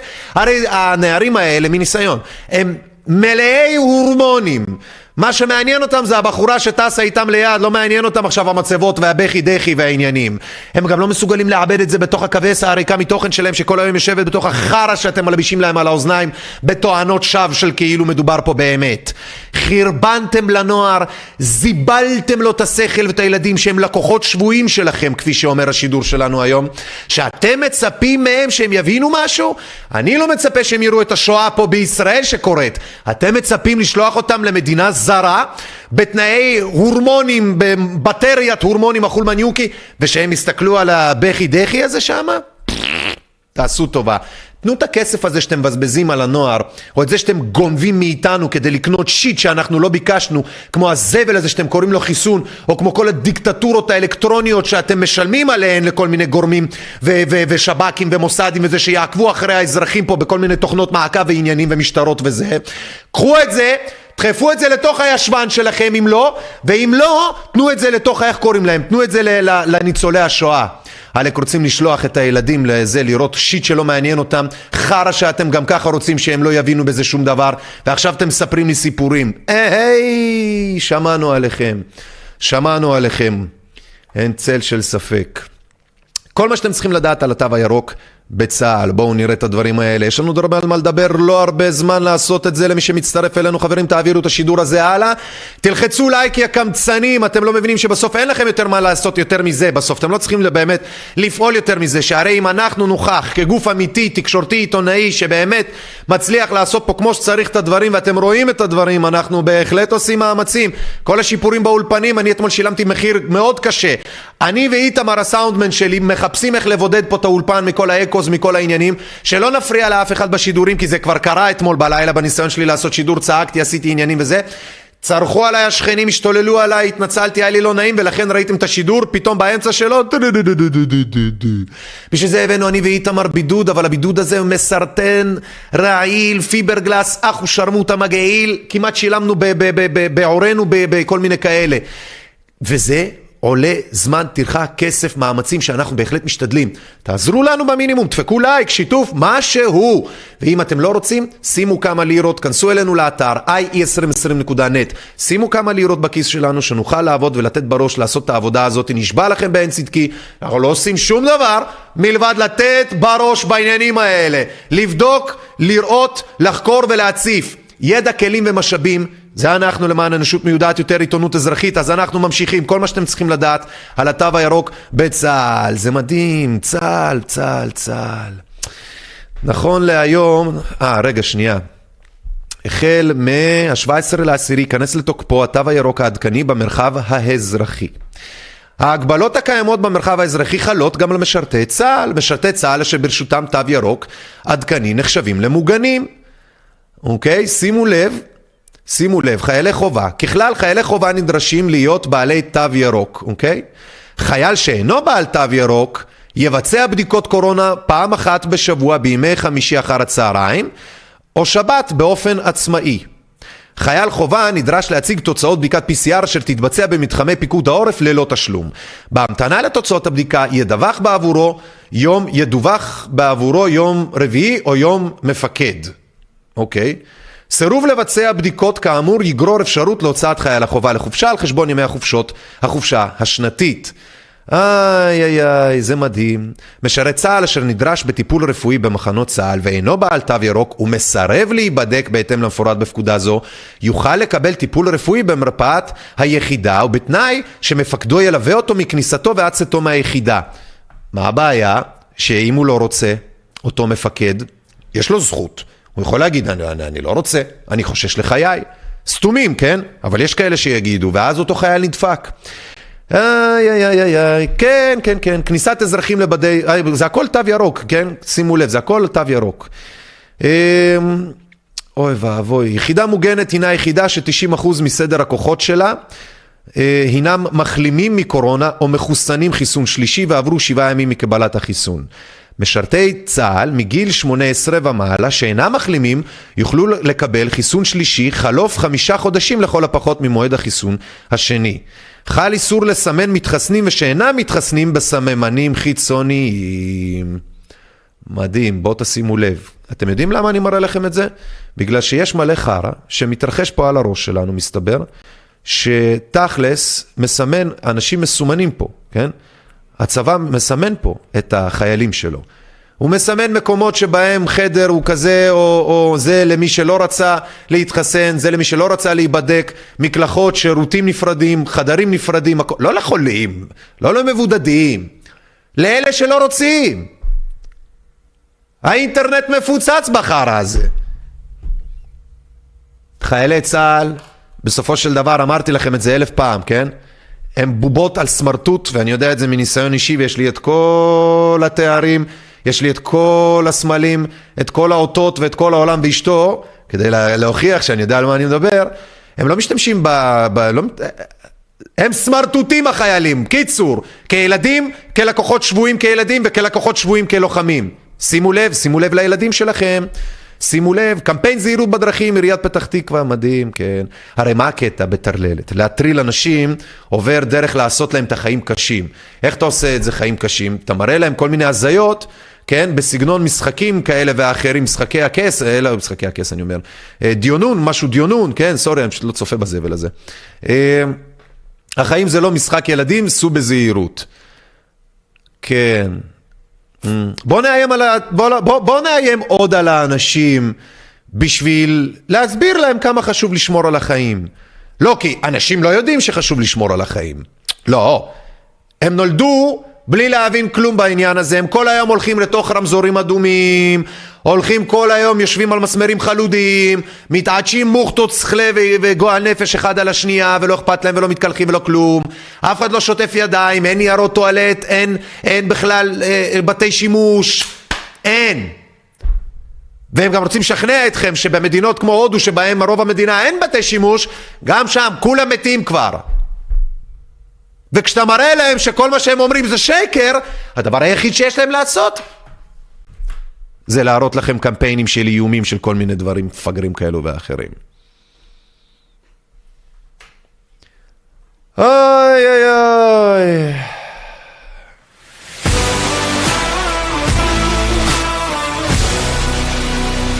אנחנו ממשיכים רדיו עיתונות אזרחית. למי שמצטרף אלינו, אנחנו מדברים על הדברים שקרו בעולם. קצת בבריטניה דווח על הפרעת עצבים נדירה בחיסוני אסטרזניקה.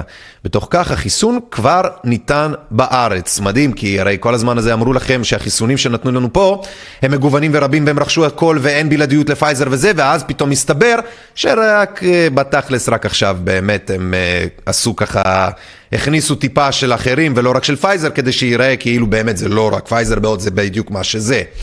דאגה בבריטניה תופעת לוואי נדירה התגלתה אצל מאות מחוסנים לקורונה. איך הם יודעים שהיא נדירה? אני לא מבין, כן? מה, לפי המספרים? אבל כבר הוכחנו לפני רגע שהמספרים מראים אחרת, אז מה, מה נדיר בזה? זה יותר נדיר למי שבאמת לא יחוסן, ואז אפשר להגיד נדיר. רשות הפיקוח על התרופות הבריטית דיווחה על הפרעת עצבים אוטואימיונית נדירה שהתגלתה אצל יותר מ-400 אנשים שחוסנו נגד קורונה בחיסוני אסטרזניקה. בתוך כך היום לראשונה החל השימוש בחיסון זה בארץ. סוכנות הידיעות, 21 לעשירי, 7.54 בערב. מדהים, אה? מדהים. הם, הם, הם, הם כל הזמן עושים את זה. הם משקרים לכם שיש תמותה כדי לגרור אתכם לחיסונים. ואז הם משקרים לכם על כל מיני תופעות כדי לנרמל את הטרלול, כן? שלא תתרגשו מזה כמובן, ועוד וזה וכדומה וכדומה.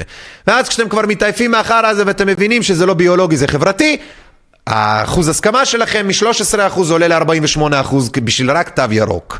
כך כמו בארץ, כך גם בחו"ל. מדהים, אה? איזה יופי. דאגה בבריטניה. מה הדאגה? הרי אם אין תמותה מקורונה וזה עכשיו רק מכל מיני חארות של חיסונים, היו רגועים חברים, זה לא בגלל החיסונים אתם, אה, אתם אה, מוגנים, אלא אתם קצת שם ההפך, כן. בעולם, בעולם, בעולם, כשנשאלה ראש ממשלת ניו זילנד, ג'סינה ארדרן, על ידי עיתונאי, האם היא יוצרת שתי קבוצות של אנשים, המחוסנים והלא מחוסנים. ארדרן אישרה כי זה בדיוק מה שזה. כן, אנחנו חייבים לצפות בזה כדי אשכרה לראות את האמת, ואני גם בדקתי אם זה לא היה AI פייק, כי יש הרבה אפשרויות כאלה כיום. שימו לב לדבר הזה, שימו לב, בואו רגע נשמע, נאזין.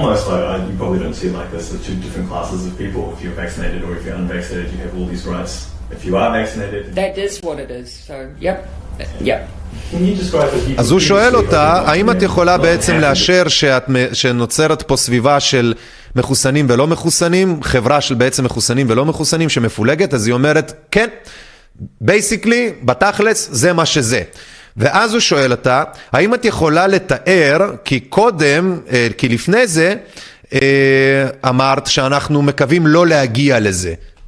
do that, I guess, when we still looked like we could maintain elimination across the whole country. I guess that has now changed because. I think it was less less because necessarily of the elimination determining that, and more because we, of course, uh, maintained and actually we have managed very high vaccination rates generally without the use of certificates. היא אומרת שבעצם עד עכשיו, שוב, כאמור, העיתונאי שואל אותה אם תהיה הפרדה, או האם, כי לפי מה שנראה, יש הפרדה בין המחוסנים ללא מחוסנים במדינה בגלל התו הירוק והסרטיפיקציות האלקטרוניות האלה, הברקודים, מה שאמרנו שיהיה כבר מזמן, אמרו לנו אנחנו הזויים, אנחנו זה, לא יודע למה. אז היא אומרת שבגלל שלמרות שהם ניסו, השתדלו לשמור על אחוז חסינות גבוה בעניינים, מבלי הצורך בסרטיפיקציות ובתו הירוק, למרות זאת הם כשלו ולכן הם עכשיו נצרכים לזה. בואו נמשיך. But actually what it's become clear to me is that they're not just a tool to drive up vaccines. They're a tool for confidence. People who have been vaccinated will want to know that they're around other vaccinated people. אז היא אומרת שזה בעצם לא רק בשביל הבריאות, היא אומרת שזה בעיקר, אגב, שזה סותר ואומר את ההפך לחלוטין ממה שלנו אומרים בישראל. שימו לב, כל מדינה אומרת את זה לפי מה שפוליטית אה, אה, הציבור לא יתעצבן, אז הם אומרים את הגרסה היותר רכה, אוקיי? מרוככת, למרות שהגרסה הפשיסטית שלה מסתבר שזה מה שיותר מקובל על הניו זילנדים הסתומים הקיוויז האלה. מה מסתבר, כן? שמה מה היא אומרת פה בעצם? היא אומרת שאנשים יותר ירגישו בנוח להיות ליד אנשים מחוסנים ושיהיה להם את האשרור לזה שהם נמצאים ליד מחוסנים על ידי איזשהו אמצעי זיהוי אלקטרוני. זה ההצדקה החולנית שהיא נותנת. שתשימו לב, בארץ הם נמנעו מכל וכול מלהצ... מל... מלהודות שזה באמת גם הש... הסיבה שלשמה גם אצלנו הדבר הזה נעשה. Uh, they want to know that they're in a safe environment. It is a way that we can give confidence to those who are going back into hospitality or events. Uh, and so that is something that I think we should offer to people who have been vaccinated that confidence that we're doing everything we can to keep them safe and that they can come back out and start enjoying those things safely. אז היא אומרת, אנחנו עושים את זה בשביל, רק בשביל התחושת הביטחון של האנשים, ושכדי שהם יוכלו להרגיש בסדר, לצאת אל המרחב, לעשות את הדברים כפי שהם עשו אותם קודם. חוץ בניקוי כל אלה שהם לא. אה, איזה קטע פשיסטי פשטני, ומאוד קל לראות את זה. עכשיו, אני נראה הזוי, הבחירות קול, אינטונציה שלי, השפה שלי בוטה. קל מאוד לכל כלב פה להגיד עליי שאני לא בסדר, שאני הזוי, שאין צורך להקשיב לי והכל. אבל תזכרו, אני רק משקף את מה שהם אומרים, ובעוד הם אומרים את זה בצורה יפה וטובה, אני אומר איך שזה באמת נשמע לציבור ולאנשים. ואני אומר איך שהציבור באמת מגיב לזה. ולא רק זה, כדאי שתקשיבו אתם פוסטמות, כחבות סתומות, מארדן ועד הטמבלית, האי פרייס וה, והכחבות האחרות בתקשורת והאחרים בשלטונות. עם כיפות, עם גרעות או בלי גרעות. אתם, יא טיפשים, יא סתומים, לא תוכלו להמשיך לעוד הרבה מאוד זמן כפרות. תארזו את המזוודות, קנו כרטיסים, תעלו על המטוס, שנאן העולם. אנחנו את הסיפור שלנו ואיתכם ביחד סיימנו.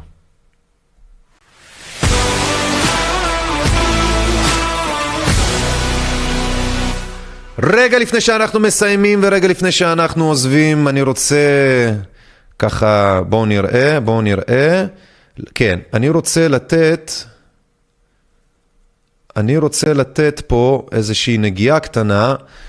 control, אנחנו אה, למעשה פשוט נשתמש עם אה, מה שיש. אני אלך על האיראנים, ואז אנחנו נסיים עם חברה טובה, שאנחנו צריכים את העזרה שלכם ואת הסיוע בשבילה. תאמינו לי, זו פעם ראשונה שאנחנו עושים את זה, יש סיבה טובה, חכו ותקשיבו, אתם באמת יכולים לעזור מאוד, לא רק אה, לאישה הטובה הזו, אלא כמובן גם לבעלי החיים שאיתה. Uh, תכף אנחנו נדבר על זה. אבל דבר חשוב, אנחנו מדברים הרבה על פייק ועל איך מטרילים אתכם. הרבה דיברנו על איראן שמשתמשים בה כדי לאיים על האזרחים בישראל, שהאזרחים ירשו ו- ויאפשרו כל מיני שטויות, כשבעצם זה שקרים. זה שקרים שסיפרו לכם שהם לא קרו, כדי שאתם תאמינו ותייצרו איזה שהם אישורים או מנדטים או חוקים או עניינים, שאלה יוכלו בתורם השלטונות לעשות מה בראש שלהם. הבאנו את הדוגמה הזאת על הקורונה כי זה זהה. עכשיו בואו תראו את ההוכחה למה שאמרנו. יוסי כהן היה ראש המוסד, כן? הוא עכשיו עובד בבנק, אוקיי? ב, אה, עובד באיזשהו בנק אה, יפני. אחרי עשר שנות שטיפת מוח נפל האסימון שאיראן נותרה רחוק, רחוקה מנשק גרעיני. יוסי כהן, אחראי לפיאסקו האיראני יחד עם בנימין נתניהו, הודה לפני שבוע שאכן מדובר בתרמית המונים שיטתית. האמצעי לאותה תרמית היה שיבוש הערכת המצב הלאומית במשך שנים. כתבתו של רן אדליסט, ה-23 לעשירי, ה-22, אה, שעה 10 ו-11 דקות בלילה. אוקיי? סוף סוף נפל האסימון. שהם בעצם, אה, אה, אה, יוסי כהן יחד עם בנימין נתניהו הודו לפני שבוע שאכן מדובר בתרמית שיטתית, לתת הערכות מצב שקריות לגבי האיראנים כדי לקבל כל מיני אה, אפשרויות, כל מיני אופציות מהציבור, לגיטימציות מגורמים אחרים לבצע פעולות שונות בשם אלוהים יודע מה, במדינות שונות ובארץ. ואם הם יכולים לעשות את זה עם האיראנים, ואם הם יכולים לשקר לכם על הפרסים, הם יכולים לעשות את זה על כל דבר אחר. והם עשו את זה. והם מנצלים את העובדה הזאת.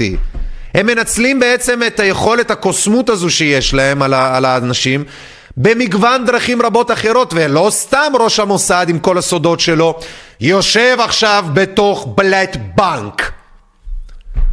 אה? מדהים, לא? אותו בנק אגב שנתן כסף לרמאי בדאי אחר בשם נוימן מווי וורק, אה? הפסיד את התחתונים שלו הבנק הזה על אותה השקעה. מדהים. אני בכוונה לא אומר את השם של הבנק המושתן הזה. למה שאני אעשה לו פרסומת בחינם? שיחנקו הם ומי שהביאו אותם. זה קטע מדהים. הם שיקרו לכם ומשקרים לכם, לא רק בארץ, לא, לא רק בעניין הפעוט הזה, כן, תו ירוק לא תו, זה כולם שם משתפים פעולה בתוך החרא הזה וביחד נהנים מזה. זה קאסטה מסוימת שאתם ההזויים הפסיכוטיים נותנים לה שמות שמראים אותנו כהזויים ופסיכוטיים של אלומינטי, כל מיני כאלה, 5G וזה.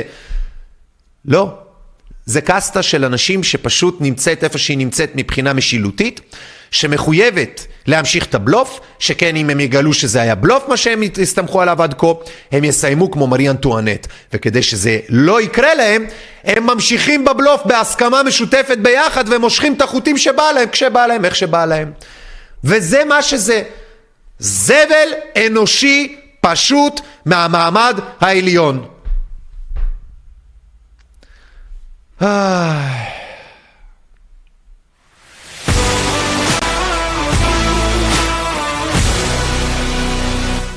אני רוצה לסיום אישה צעירה שבוודאי אה, אה, אה, לא תהיה מבסוטה שאני מציין את זה, אבל זה חשוב כי היא מתמודדת עם נכות, היא קטועת רגל והיא יוצאת ונכנסת גם מטיפולים בבתי חולים בשנתיים האחרונות יותר מתמיד. קוראים לה ליליה קושניר, היא אישה טובה ומדהימה, היא מטפלת שנים במסירות בחיות פצועות בבית מחסה שהיא הקימה. בגלל והנכות שלה, היא מתקשה מאוד והיא מבקשת עזרה. אז אני רוצה להראות את הפוסט ואני רוצה שבבקשה מכם, אם יש משהו מכל השידור הבאמת אה, אה, אה, מאוד עוצמתי הזה, כן? אם יש משהו שמאוד הייתי שמח שתעשו בבקשה מכם, זה תיכנסו לפייסבוק או תכתבו בגוגל ליליה קושניר, תיכנסו בבקשה לפרופיל שלה, תכתבו לה שאתם רוצים לעזור לה, או פשוט תלכו לפי הפרטים שהיא נותנת כאן, אה, מופיעים פה. פייבוקס שלה, אני אגיד את זה כאן ועכשיו, כדי שפשוט יהיה למי שמאזין בהסכת שלנו, אחר כך בפודקאסט, לתרומה בפייבוקס, פפר, אשראי או בזה, 0522 1952 17. 0522 1952 17. זה לתרומה בפייבוקס, פפר, אשראי, ביט וכדומה, אוקיי? יש לה גם פייפל, כנסו בבקשה לפרופיל הפייסבוק שלה. ליליה קושניר, אוקיי? ל"י ל"י ה', קושניר, כמו אבי קושניר. אני מתנצל שאני נותן את הדוגמה של הבן אדם הגרוע הזה, אבל קושניר, כמו שאתם שומעים. אה, יש לה פה פרטי חשבון בנק, ויש לה כתובת גם, שתוכלו בעצמכם, מי שירצה לבוא, להביא ציוד, תרומות ועניינים. פה אתם יכולים לראות אה, קצת מהצילומים אה, שלה עם החיות. השונות, זה בית מחסה שמטפל בחיות גם שחלקן נטושות, חלקן פצועות, או גם וגם. בכל מקרה, אישה טובה, מדהימה, היא והבן זוג שלה מנהלים את זה כבר הרבה מאוד זמן ולא פשוט להם והם צריכים את העזרה שלכם מאוד מאוד מאוד. אז כאמור, תעזרו לליליה קושניר, הטלפון שלה בשביל פייבוקס, פפר, ביט, כל מיני כאלה שתוכלו להעביר לה, זה 0522 19 52 17 0522 19 52 17 אוקיי? אז אה, כאמור, בנימה אופטימית זו וחיובית זו אני רוצה לסיים את השידור בלהגיד תודה ענקית ענקית ענקית לדוריטי מהצוות שלנו שטרחה ביחד עם ליברטי שנמצאת כרגע בחופשת מנהלה יש חיים, יש דברים לעשות, ואנחנו עובדים קשה מאוד מסביב לשעון על התוכניות האלה, גם בשביל כל הגרפיקות, האיכות שאתם רואים, גם כדי להילחם על מגרעות. אה, טכניות וטכנולוגיות בשביל לשמר את האיכות הזו. אז המאבקים פה הם משולשים ומרובעים, אוקיי? גם כי הכל בהתנדבות, גם כי הכל במרחוק, וגם כי הכל הוא ב- ב- ב- באמת בזמן פנוי כזה ואחר שחלקו אין לנו. אמ, אז לכן שוב, תודה רבה דוריתי היום על העשייה, על ההשקעה, כל הכבוד לך. כמובן, לליברטי, מנהלת והעורכת של התוכניות שלנו, יעקב, מנהל הדיגיטל והפודקאסט, דן, עורך הוידאו ומתקתק בטיק טוק, איילת על עריכת הוידאו והתחקיר, אלכסה, איש המספרים שלנו והעובדות על זה שגם שיחק, שוחחת איתנו היום, יש לו קבוצה, מורידים את המסכות, תזכרו, תחפשו אותו. אה, הוא בן אדם ענייני מאוד, קצר מאוד, כמו שאתם רואים, הוא מדבר לעניין. טימור, שרעבי, צלמנו בשטח, מחמם המנועים למוצ"ש, ועין צלמנו. אה, משה מנקין, מנהל הקהילה שלנו, בצ'אטים שלנו השונים ביוטיוב ובטלגרם, וכמובן אביב. על המיקס והג'ינגל שהוא עשה לנו לדיבור צפוף אה, ועוד יעשה לנו לדברים אחרים. אה, כמובן, כאמור, אנחנו צריכים את התמיכה שלכם, גם אנחנו, בשביל שנוכל להיות יותר טובים והכי טובים מה... לא, לא, לא, לא יודע אם להגיד מהאחרים שעושים את העבודה שלנו, אלא אני מתכוון מהאחרים של התקשורת שמרמים ומשקרים אתכם. כי תראו את הפלוסייה ואת הבוכתייה שיש להם כדי לשקר לכם. אם היה לנו את האמצעים שיש להם, וואו, אלוהים ישמור, היינו מזמברים להם את התחת הרבה לפני, והם היו מרימים אותו אולי הרבה פחות, ואולי אפילו גם זה לא היו מעיזים. אני רוצה לקוות ולהאמין שאתם מבינים את הפוטנציאל שיש לנו, תמכו בנו. ביט 054-264 9690, הביט שלנו וגם הפייבוקס שלנו וכ- וכאלה, 054 264 9690, אוקיי? פה גם ב, יש לכם את פרטי חשבון הבנק שלנו אם אתם רוצים להעביר לנו אה, על המסך. אנחנו יותר מנשמח, אנחנו שוב פעם אה, צריכים את העזרה שלכם כי יש לנו מערכות שאנחנו מרחיבים, אם זה השרתים של השידור. אם זה השרתים של האתר האינטרנט שלנו, שבהזדמנות זו אנחנו גם צריכים להראות את הסלייד של האתר האינטרנט שלנו, ie2020.net. אמ, אנחנו, שוב, עובדים קשה מאוד על ההרחבה של האתר, שדרוג שרת, שרתים, זה עולה הרבה כסף, ואנחנו צריכים את העזרה שלכם. כמה כסף זה עולה? זה עולה לנו באזור ה-4,000 שקלים בחודש, כי המערכות שאנחנו משתמשים, כל ההתראות שאתם מקבלים מהאתר, כל מה שאתם רואים, השרתים, הזיכרון, כל הדברים האלה עולים. כסף, כל הפיצ'רים האלה עולים כסף. מערכת סליקה, כדי שנוכל להיפטר מפטריון הנוכלים והמנוולים האלה שעכשיו עושים פשיזם לכל מי שמדבר כנגד הסטנדרט או הקונצנזוס של הקורונה, הם גם מצמצמים אותו. הם צמצמו את חברנו מנוהוור, רפאל בנדור. תיכנסו, תעזרו, רפאל בנדור מנוהוור, תסייעו גם לו, תתמכו בו, ותתמכו באנשים הטובים שמביאים לכם השכם והערב, עושים לילות כימים כדי להביא לכם את כל האינפורמציות האלה מתורגמות, את כל האינפורמציות הרלוונטיות שמבדילות מבדילות בין שקר לאמת, בין פייק לאמת, לבין ההזיות של השלטונות, לבין מה שנכון אה, אה, לנו ובאמת קורה. אז תעזרו להם, תעזרו לנו, ופשוט תיכנסו אצלנו באתר ie2020.net. תמיכה חד פעמית או תמיכה מתחדשת, אנחנו עובדים על השדרוגים האלה, זה עולה כסף, נשמח לעזרה שלכם. אני הייתי איליאן מרשק, רדיו עיתונות אזרחית, גאווה מאוד לעשות את העבודה הזאת, קשה מאוד, ואנחנו משלמים מחירים מאחורי הקלעים בלי שאתם שמים לב. פשוט תעשו טובה. לייק, שיתוף, בהחלט עוזר. בהחלט, בהחלט עוזר. אם לא מהכיס שלכם. עד הפעם הבאה, שיהיה לכם כל טוב. אנחנו נתראה בתקווה אם יהיה צורך במוצאי שבת הקרובה, אם יהיה עניין מהשטח כזה או אחר, זה יהיה on the go, עדכונים בערוץ הטלגרם שלנו כדי שאם תרצו לדעת וכדומה, ובאתר שלנו. כל הדברים פשוט באתר, ie2020.net. איליאן מרשק, over and out.